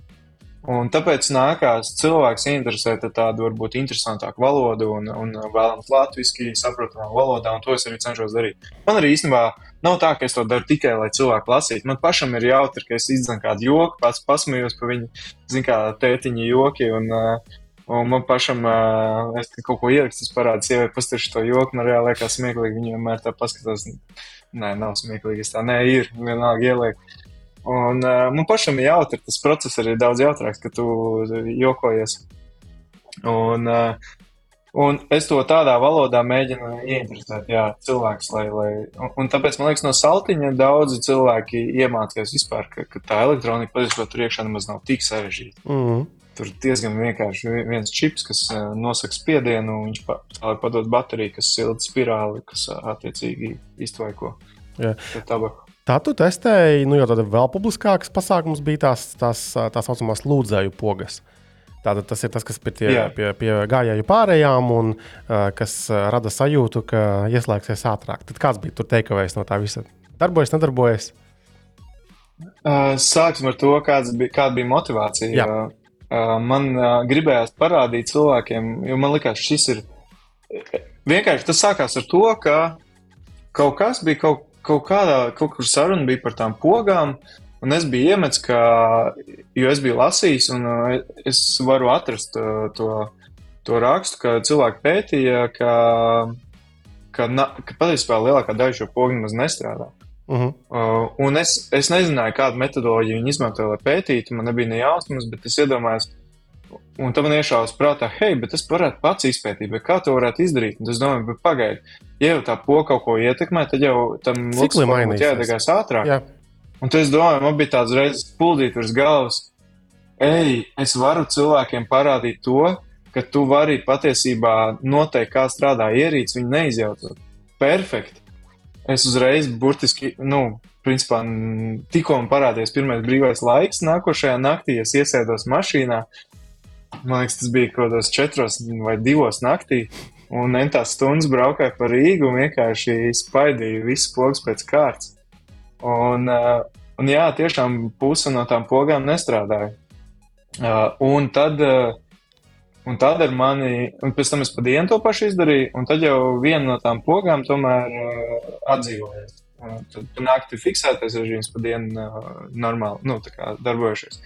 Un tad uh, ar mani sazinājās Rīgas gaisma, vairāk cilvēku, tam ne, neatkarīgi. Gan, gan um, neglu, jā, Rīgas gaisma, uh, tad tur uh, divi cilvēki, jā. Un tajā laikā man likās, o, tas gan ir forši, ka viņi man sazinājās. Kā, nu, tas ir uh, tā man pagodinoši un tā, bet tā retrospektīvi skatoties, tas bija pareizākais, ko viņi varēja izdarīt. Un, un par to visu cieņu kā, viņu cilvēkiem, ka viņi tik pareizā laikā noreaģēja uz to, ka viņi izskaidroja visu. Viņi man tādu cilvēku, kas iesaistīja to skepticismu, to sēklu, pilnībā pārliecināja, ka Rīgā nav mērķu uh, šīs te pogas, ar tām pogām kā čakrēt. Un piemērs, ja kāds man netic, tad piemērs ir uh, mola poga. Tātad es atklāju, ja poga nestrādā. Viņi izskaidroja, kāpēc. Kāpēc? Un, un tas ir tāpēc, ka šie te, uh, strāvas kontūri, kas iekšā asfaltā, viņi nosaka mašīnu plūsmu, un tā kā viņi vairs nevar noteikt mašīnu plūsmu, tad uh, šīs pogas nācās ielikt fiksētajā režīmā, lai, lai satiksmē nekavētos. A, kāpēc nevar noteikt, kas Un- mainījās? Tāpēc, ka frēzējot asfaltu, uh, ir nofrēzēta kaut kāda kārta, plus viņš plaisā, un. Jā. tie strāvas kontūri sabojājās. Un, uh, un kas vēl, un ja kāds joprojām man netic, ka, ka, ka viņi nemelo, tad šīs te pogas uzreiz pēc sižeta praktiski pēc manis tā uh, tika demontēts. Ja viņu mēs būtu kādu, kādu čakarēt, tad tās pogas tur joprojām stāvētu, bet viņi viņas demontēja un uh, tās pogas tur vairāk nav. Tā kā nē, nav, nav nevienam mērķa kādu. Viņu mērķis vienīgais ir padarīt satiksmi drošāku un, uh, un ērtāku visiem. Viņi varētu vispār tās pogas nelikt. Vienkārši to varētu gaidīt savu zaļo un visu. Uh, un, uh, bet viņi viņus uh, liek, lai, jā, lai, lai būtu kā, vis, visiem būtu drošāk. Kā Visu cieņu Rīgas gaismai. Viņi izdarīja pareizi šajā situācijā. Un tajā brīdī es to nesapratu. Tajā brīdī man likās tas kā pagodinājums. Tagad es saprotu, ka tas bija tāds ļoti labs, labi nostrādāts plāns. Forši tos komentārus par to, par to kontūru, jo reāli eh, tas, ko arī tu minēji, ka, teiksim, nu šajā gadījumā Rīgas gaismai, tad ir, ir jā, jāizmanto tie risinājumi, kas viņiem ir pieejami. Ok, kontūrs saplīsa, piemēram, jā. jā, bet mums vakur ir poga. Poga var darboties šādā režīmā, poga var darboties šādā režīmā. Un tad viņiem ir jāizvērtē, ok, kuru no šīm, te nezinu, tur divu ar pusi opcijām izmantot, lai rezultāts būtu teiksim, brīvāka plūsma uh, gājējiem, tur, nu, teiksim, transportam un tā. Tā kā ļoti forši. Tieši tā. Labi, uh, bet mēs nonākam tagad līdz tam fliperim. Tātad, uh, tad tu uh, pasūtīji tādu interesantu vērķi, uh, kas uh, Nepasūtīja. nepasūtīja. Tev bija jau? Nē. Tu dabūji kaut kur citur. Es, uh, es nevaru atklāt, kā līdz manim tas nonāca, bet, uh, bet tas, tas nebija. Uh, un, jā. Bet tas, ne, tas nebija caur veikalu, un es neiesaku sūtīt tādu ierīci caur veikalu, jo, ja muita pārmeklēs jūsu sūtījumu, šī ierīce Latvijā ir nelegāla. Jā, bet tad vēlreiz par to ierīci. Tātad tā ierīce principā var diezgan daudz ko izdarīt. Uh, nu, kā tavā piemērā, ko tu publiski tur piemēram rādīji, piemēram, noklonēt pulti tālvadības, lai atvērtu vārtus. Uh, vai, piemēram, domofonam kaut kādam tur arī nu, nu, nolasīt teiksim, to signālu un noklonēt plēnu kaut kādu lietu. Um, bet uh, tomēr izrādās, ka šī ir viena no tām ierīcēm vai ierīču kategorijas, ko Latvijā nedrīkst izmantot, nedrīkst pirkt. Kā, kāds ir tiešais vispār, ku, uz kuru likumu vai ministra kabineta noteikumiem ir jāskatās, kas tās ir par ierīcēm? Jā, tātad uh, tas ir strateģiskās nozīmes uh, objekts, nu, ierīce. Un uh, glabāšanā tādas, tāda ierīce nedrīkst nevienam būt. Un šis ir tas, par ko mēs noteikti protestēsim un darīsim, cīnīsimies, darīsim visu, kas mūsu spēkos.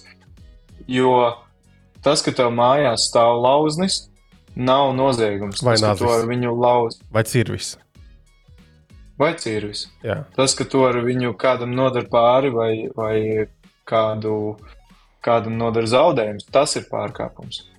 Un, piemēram, ja man pieņemsim, es neapgalvoju to, bet pieņemsim, man šī ierīce būtu, un viss tās bildes un sakritība ar manām rokām ir tikai sakritība, tās iespējams nav mans rokas. Uh, ja man šī ierīce būtu, būtu ļoti ērti, jo es varu at, ar vienu ierīci atvērt gan savus durvis, gan savus barjeras, gan uh, slēgāt televizoru, jo viņš var darboties arī kā pults. Uh, nu, ar to ierīci var izdarīt daudz ko, un uh, ar to ierīci var piesaistīt cilvēkus, mācīties tehnoloģijas. Jo var rakstīt kodu, uh, iekopēt viņu fliperī, un pēc tam arī pats ar to kodu kaut ko darīt. Turpat var spēlēt spēles, tur ir pat dūms noportēts. Jā. Uh, Ok, labi. Tas, ko tu paspēji izdarīt, eh, publiski Twitterī parādīt tieši ar to piemēru ar tiem vārtiem, pults, vārti, jā, bum, bum, nokopējam, noklonējam un uh, veram vaļā. tad, cik es sapratu, kāds vienkārši nostučīja vai iestādes pašas seko līdzi šādām lietām. Kas notika tālāk? Nu, mm, nu, principā vienkārši cilvēki, kas to pamanīja, strādā dažādās iestādēs un vienkārši sazinājās ar mani. Kas tā bija par iestādēm? Mm, nē, nē, nē, nē. to diemžēl, diemžēl es uh, ne, nevaru atklāt. Tas, uh, tas, A, kā viņi es sazinājās? gribētu par to runāt. Viņi Twitterī Es uzrakstīja tev vai, vai citādākos? Twitterī tieši, ja? Jā. Di- Direct message. Es, es, ļoti, es ļoti gribētu par šo te runāt, bet, uh, diemžēl, publiski nevaru. Varbūt kādreiz varēšu. Tagad, tagad uh, kamēr ir tāds likums, uh, nevaru. Par ierīcēm? Jā, Bet tie nav valsts elektroniskie sakari. Jo viņai arī par radio lietām taču atbild un, un, un redz, kur kaut kas tiek ieslēgts vai kaut kas tiek izmantots. Vai tie uzreiz bija drošības iestādes? es, es, es diemžēl, nevaru atbildēt uz šo. Uh, tur var sanākt Ok, labi. Tad, tad es mēģinu vienkārši tālāk jautājumus. Tad viņi sazinājās, visdrīzāk, cik es sapratu, tad viņi uzaicināja uz tikšanos tevi, jo tu tā arī minēji, ka, ka, ja, ka tu, Jā. ja tu neatnāksi. Nu, tad tev palielam nav variantu, laikam, neatnākt, ja vien tu negribi kaut kādus lielākus sūdus savā dzīvē. Uh, tad tev ir tikšanās. ir, ir, ir, varianti, ir varianti, un uh, man cilvēki teica, ka tas, ko es izdarīju, bija stulbi, un es to zināju Ka varēja, uzreiz. varēja neiet ar viņiem, tikties kaut kādiem tiem nezinu, random cilvēkiem. Protams, vienmēr var ar visiem netikties. Jo kā viņi var pierādīt, ka viņi pārstāv iestādi, kādu viņi pārstāv, piemēram, ne? Nu, To, to man pierādīja. Tas par, par to nav. A, ko viņi tālāk? Šaubu. Ah, viņi pierādīja, ok. žēl, žēl, ka nevar dabūt no taisa laukā, kā viņi pierādīja. Uh, parādot, ka viņi tur strādā. Twitterī, direct message, ko viņi aizsūtīja bildi. nē, nē, nē, klātienē, klātienē. À, klā, à, pēc tam jau klātienē parādīja. Ja? Jā. A, kas tad tajā sarunā tālāk notika? Nu, kad eh, tu nevari vienkārši izmantot šādu ierīci un, nezinu, vāc laukā visu informāciju, vai uzreiz kačā pravas un eh, tevi grib likt cietumā? Nē, vienkārši aprunājāmies, paprasīja manus mērķus, O, oh, paprasīja, ko var izdarīt. Un, um, jā, ta, ta, tas, tas, ka es to uh, darīju, protams, bija ļoti stulbi. Man cilvēki teica, bez advokāta vispār ne, nekustēties ārā no mājas. jo tu vari par daudz Es samoldēties. piekrītu. Ja? Kas? Jo tu vari Jā, par daudz jā, pateikt, ko, ko nevajag, varbūt, un kas pat nav Jā. slikti Un, un domāts. var arī pret mani darīt kaut kādas lietas, varbūt, ko, ko nevajadzētu. Um, ku- kuras man nav iespēja kā ietekmēt, un neviens to neredz.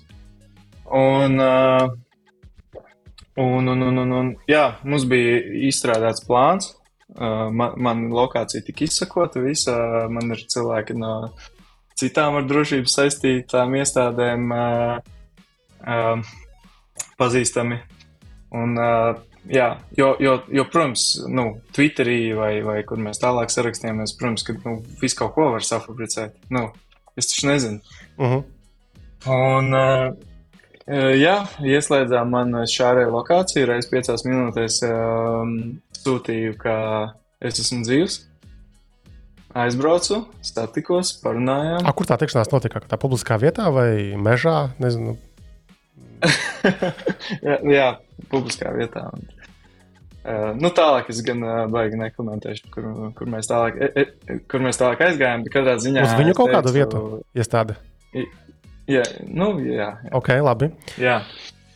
A, tev bija kaut kas jā... uh, jā, pa, parunājām, principā. Un, uh,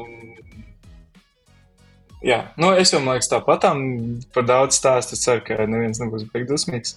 Bet, uh, Tu jau vārdus nesauc, iestādes nenosauc. to. jā, jā, jā. Katrā ziņā uh, tas, ko es visu tikko stāstīju, patiesībā es to visu nosapņoju, un, un tas nekad nav noticis. jo tā, tā man lika apsolīt. Tā kā, nu, tā kā, jā, tas īstenībā nekad nav noticis, kas, ka, ko es tikko stāstīju. Respektīvi, dzirdot to, ko tu tagad saki, tas man liek domāt, ka tie nav nekādi valsts elektroniskie sakari. Tā saruna kaut kā tiek protokolēta, un tev beigās kaut kas bija jāapraksta. Nē, nē. Nekas nav parakstīts un nekas nav noticis. Ok, labi. Bet, labi, pabeidzot šo topiku, lai tiešām mm -hmm. neradītu problēmas kaut kādas. Kāda tad ir tā, nu, tas, tā, tā visa šī tava piedzīvojuma, teiksim, tā stāsta morāle? Ja? ko zinot, kas tagad notika, tu darītu citādāk, vai ko tu saprati, mm, kas tev radīja nezinu, prieku, vilšanos no šī notikuma? Citādāk es droši vien neko nedarītu, tāpēc ka šis ļoti pievērsa cilvēku uzmanību mūsu absurdiem likumiem. Varbūt, ka man tas, eh, nu, cerams, ka man tas viss beigsies labi, bet uh, var arī nebeigties. Bet, uh, bet mums, nu, ja es nebūtu to visu nopublicējis, tad, tad um, cilvēki pat nebūtu tik liela tā. Jā, es būtu pats pie savu rekumunsu likumu izrāvuši tādu ierīci, mēs varam turēt, jā, desmit cilvēki paceptos Twitterī un, un viss, tā kā viss beigtos. Bet ar šito visu kopējo trako situāciju un ar manu visu to, kas tur tālāk notika, tas pie, pievērs diezgan lielu uzmanību.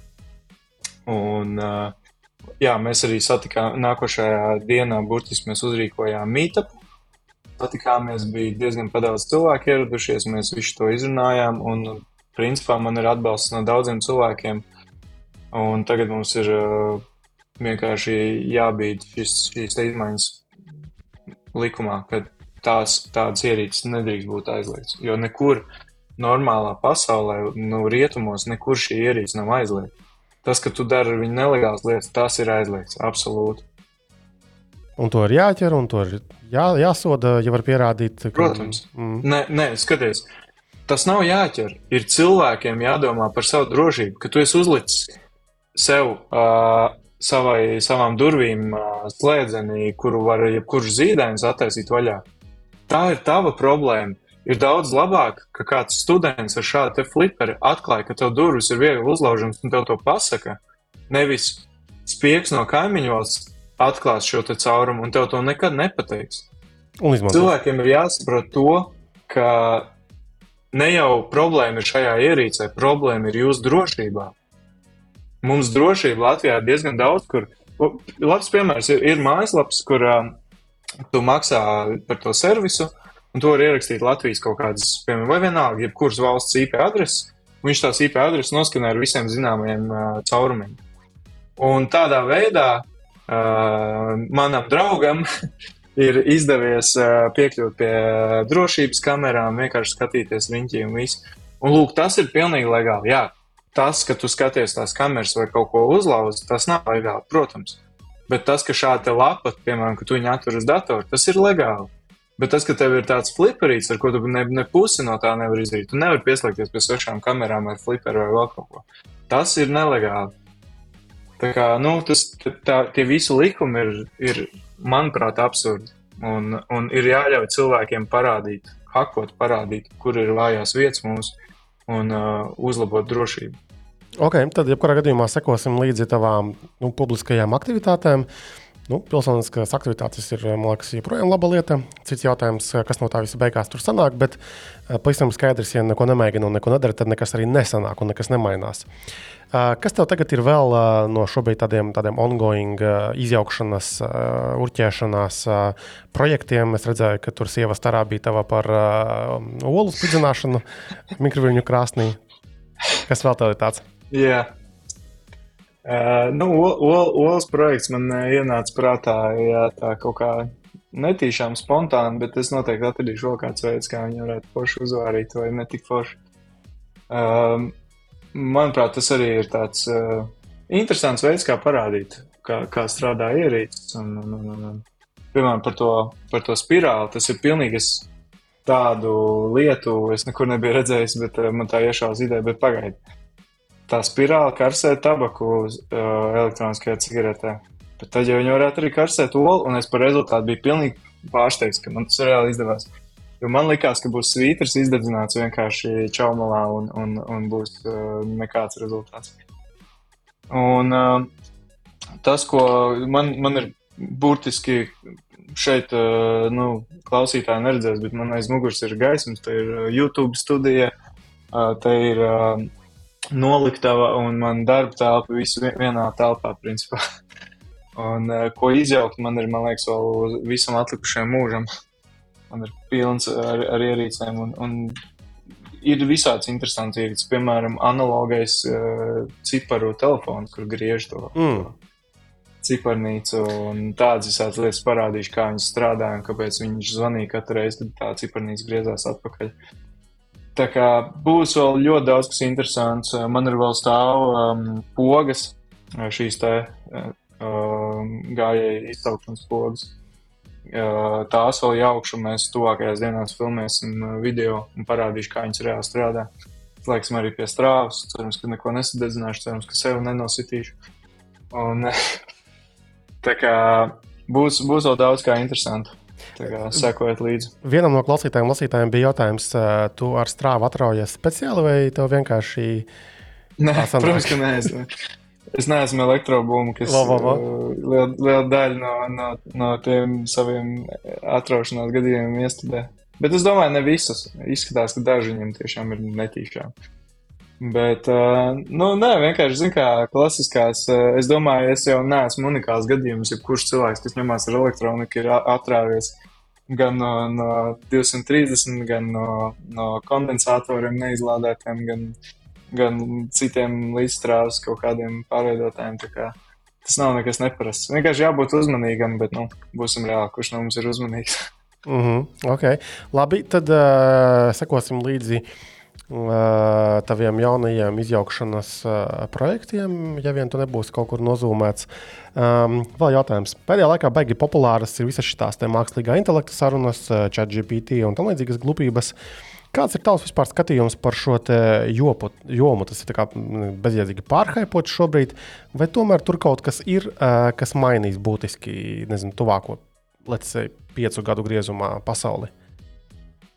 Nu, tur kaut kas ir, ir tāds supermaiks izteiciens. Tas ir uh, pilnīgi, absolūti, nu, neizsakām izmainījis pasauli. Tas ir uh, izmainījis arī pat nebūtu pareizi teikt, tas jau ir izmainījis pasauli. Tas šobrīd uh, chat GPT, protams, kas ir pionieris, uh, bet uh, ir daudz jau sekotāji, jau tā kā, kā milzīgs tsunami vienkārši pārņem pasauli. Un, un man pašam darbā programmēšana tas atvieglo jau es kaut kādas programmēšanas jautājumus, kur, kur man varbūt uh, nav laika vai nav vēlams iedzināties kodā. Es vienkārši pa, paprasu konkrēts jautājums. Jā, tev ir jāzina, ko jautāt viņam, bet uh, es paprasu konkrēts jautājums, viņš man izskaidros pa, papildinošs jautājums. Viens no labākajiem piemēriem es burtiski dienas laikā iemācījos veselu tehnoloģiju, kā lietot, kā tur palaist virtuālas mašīnas un vispārējo kā, distribūtētā sistēmā. Līdz ar to no viņa var mācīties. Viņš netērēs tavu laiku ar glupībām par, par kaut kādām vēsturi vai vēl kaut ko. Nu, ka, piemēram, tu ieej YouTube un tad cilvēki, lai tērētu tavu laiku, lai parādītu maksimāli daudz reklāmas, viņi aizbrauc kaut kādā mežonīgi vecā vēsturē un sāksim tagad ar šo. Un tad pēc pusstundas viņš nonāk pie reālās tēmas, ko tu īstenībā gribēji iemācīties. Uh, Chat GPT tev netērē laiku. Viņš tev koncentrēti iemāca to, ko tu gribi. Tālāk tu vari uzdot papildus jautājumus, ko tu nevari YouTube izdarīt. Tu uzdod jautājumus, viņš momentā atbild. Nu, tas ir tāds burtiski tavs dzīves asistents, ko daudzās, daudzās nozarēs šobrīd jau izmanto un, un nākotnē izmantos vēl vairāk. Un daudz, jā, daudz pazaudēs darbu, tas ir neizbēgami. Un tas ir žēl. Es gribētu, ka tā nav, bet tā diemžēl notiks. Un um, vienīgais, ko es varu ieteikt, ir mācīties jaunas tehnoloģijas. Un, uh, nu, diemžēl kapitālismā tā ir, ka, ka ir kaut kas, kas, uh, kas var iznīcināt daudz cilvēku dzīves. Un, diemžēl šis būs tas. Ok, labi. Un, uh, kas būtu jādara Latvijā, Latvijai, lai nu, uh, neaizrulē garām mums nezinu, šis bums, nākamais kaut kāds tehnoloģiju bums? Kāds ir tavs skatījums? Uh, vai Viena lieta, ko nevajadzētu darīt, nevajadzētu sekot Itālijai un aizliegt. Spānija arī, kaut, Spānija arī kaut ko tagad tam līdzīgu sāk domāt? Jā, nu, tas mums vienkārši atsviest atpakaļ. Es nezinu, cik gadu vēsturē. Tāpat kā flipera aizliegšana, vēl tagad aizliegts arī chat GPT, un tad mēs vienkārši varēsim šeit, eh, nezinu, stādīt un lasīt kartupeļus. Jo tas jau jo Tas nav slikts, starp citu, tie, kas to dara, tas ir visu cieņu, bet visi, visi to nevarēs darīt. Jo, jo, jo šādi aizliegumi globālā mērogā nemaina neko, bet uh, tas ietekmē tiešām šos te, lokālās lietas. Un, Nu, nevienmēr tas ir pozitīvi, jo pat, pat ja birokrātiem liekas, ka tas ir kaut kas brīvīgi cool un, un tā ir jādara, mm, nevienmēr tas tā darbojas. Jā, tieši tā. Un, uh, jā, nu, ko, ko mums ir jādara, kā minimums, mācīt visiem saviem opīšiem, omītēm, mamām, tētiem, brāļiem, visiem bērniem uh, lietot uh, chat GPT vai, vai uh, Newbie vai, vai nu, kaut kādu vārtu, kas nu, ir objektīvi sliktāks šobrīd, bet ar laiku tas noteikti paliks daudz labāks. Māciet, vienkārši parādiet, ka, ka ar, ar to var uh, komunicēt ar ārzemniekiem. Vienkārši ierakstot kaut ko latviešu un, pas, un pateikt, izskaistīt šo, padara garāku un uzrakst to angliski un uztais kā e-pastu. Piemēram, viens no piemēriem, ko es savai mammai esmu iemācījis, viņi vienkārši ieraksta kaut ko latviešu un uzrakst šo kā e-pastu, bet angliski. Un uzreiz tev gatavs labdien, šeit raksta Nadija, man, man mamma, un uh, aiziet tālāk teksts, un viņi tikai iekopē to un sūta. Uh, māciet uh, visādas Jā, tas vienīgais veids, kā, kā iemācīt, ir reāls pielietojums. Nevis pastāstīt, ka chat GPT raksta, ko grib, un tad nosēžās opīts un a, ko man šeit rakstīt. Rādiet reāli piemērus, kā jūs to izmantojat. Nezinu, ģenerējiet vakarā pasakas bērniem, tā kā es to daru. Man bērns pasaka, ko viņi grib dzirdēt tajā pasakā, es visu savu iekšā chat GPT, un man uzģenerēja reāli pamācošu pasaku, var pamācīt beigās visu ievadu, visu, visu smuki.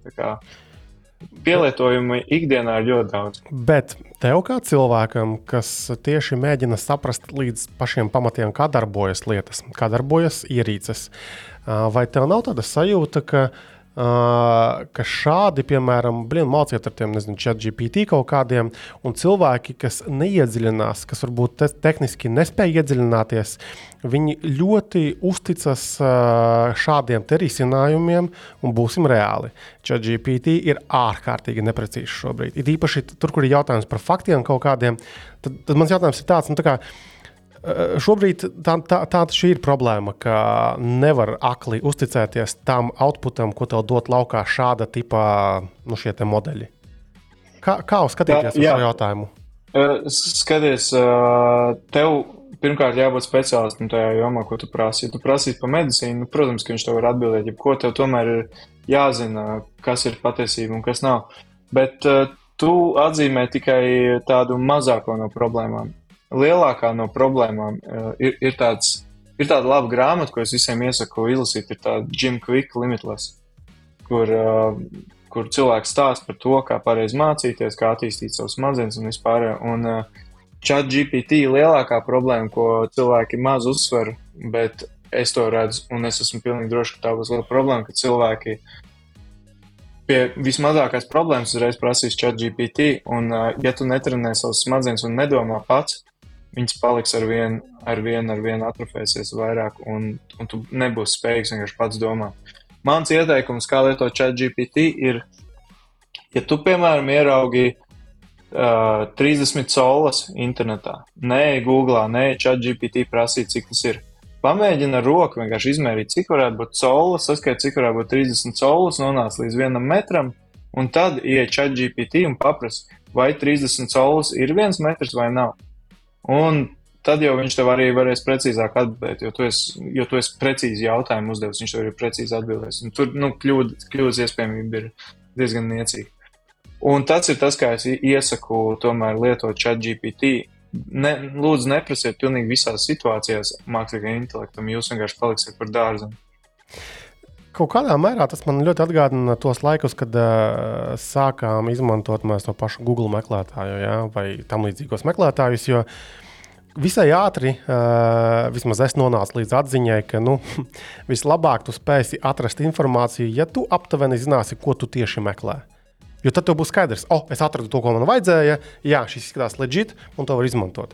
Man tagad ar šiem chat GPT, visiem šiem botiem, liekas, diezgan tā tāds cikls ir uz rīņķa atkal apgājis, un mēs atkal, atkal esam turpat. Tikai tagad, protams, ir tāds next level iespējas. Tas plēlam ir tāds arī nu, Mhm. meklētājs eh, jautājumu uzdošana. Tikai tas, ka arī tev ir jāsaprot, okay, kā pajautāt un ko es gribu saņemt atpakaļ. Un, lai es saprastu, ah, jā, šis man der, tas, ko es saņēmu atpakaļ. Jā, tiešām tās solis ir tik un tik tur centimetri vai metri. Mhm.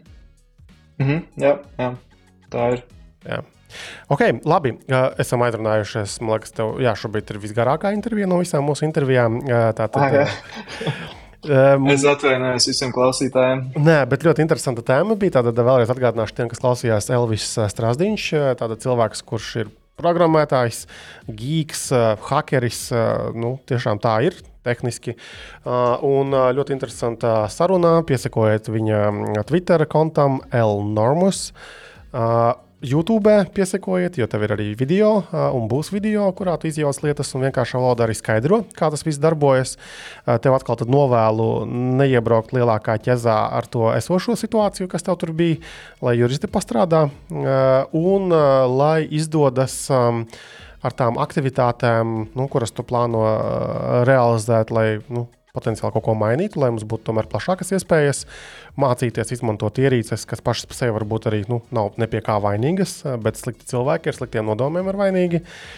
Paldies par šo sarunu, mm -hmm. lai tev ir uh, izdevusies šī diena un turpmākais laiks. Paldies! Tā. Jā, tā.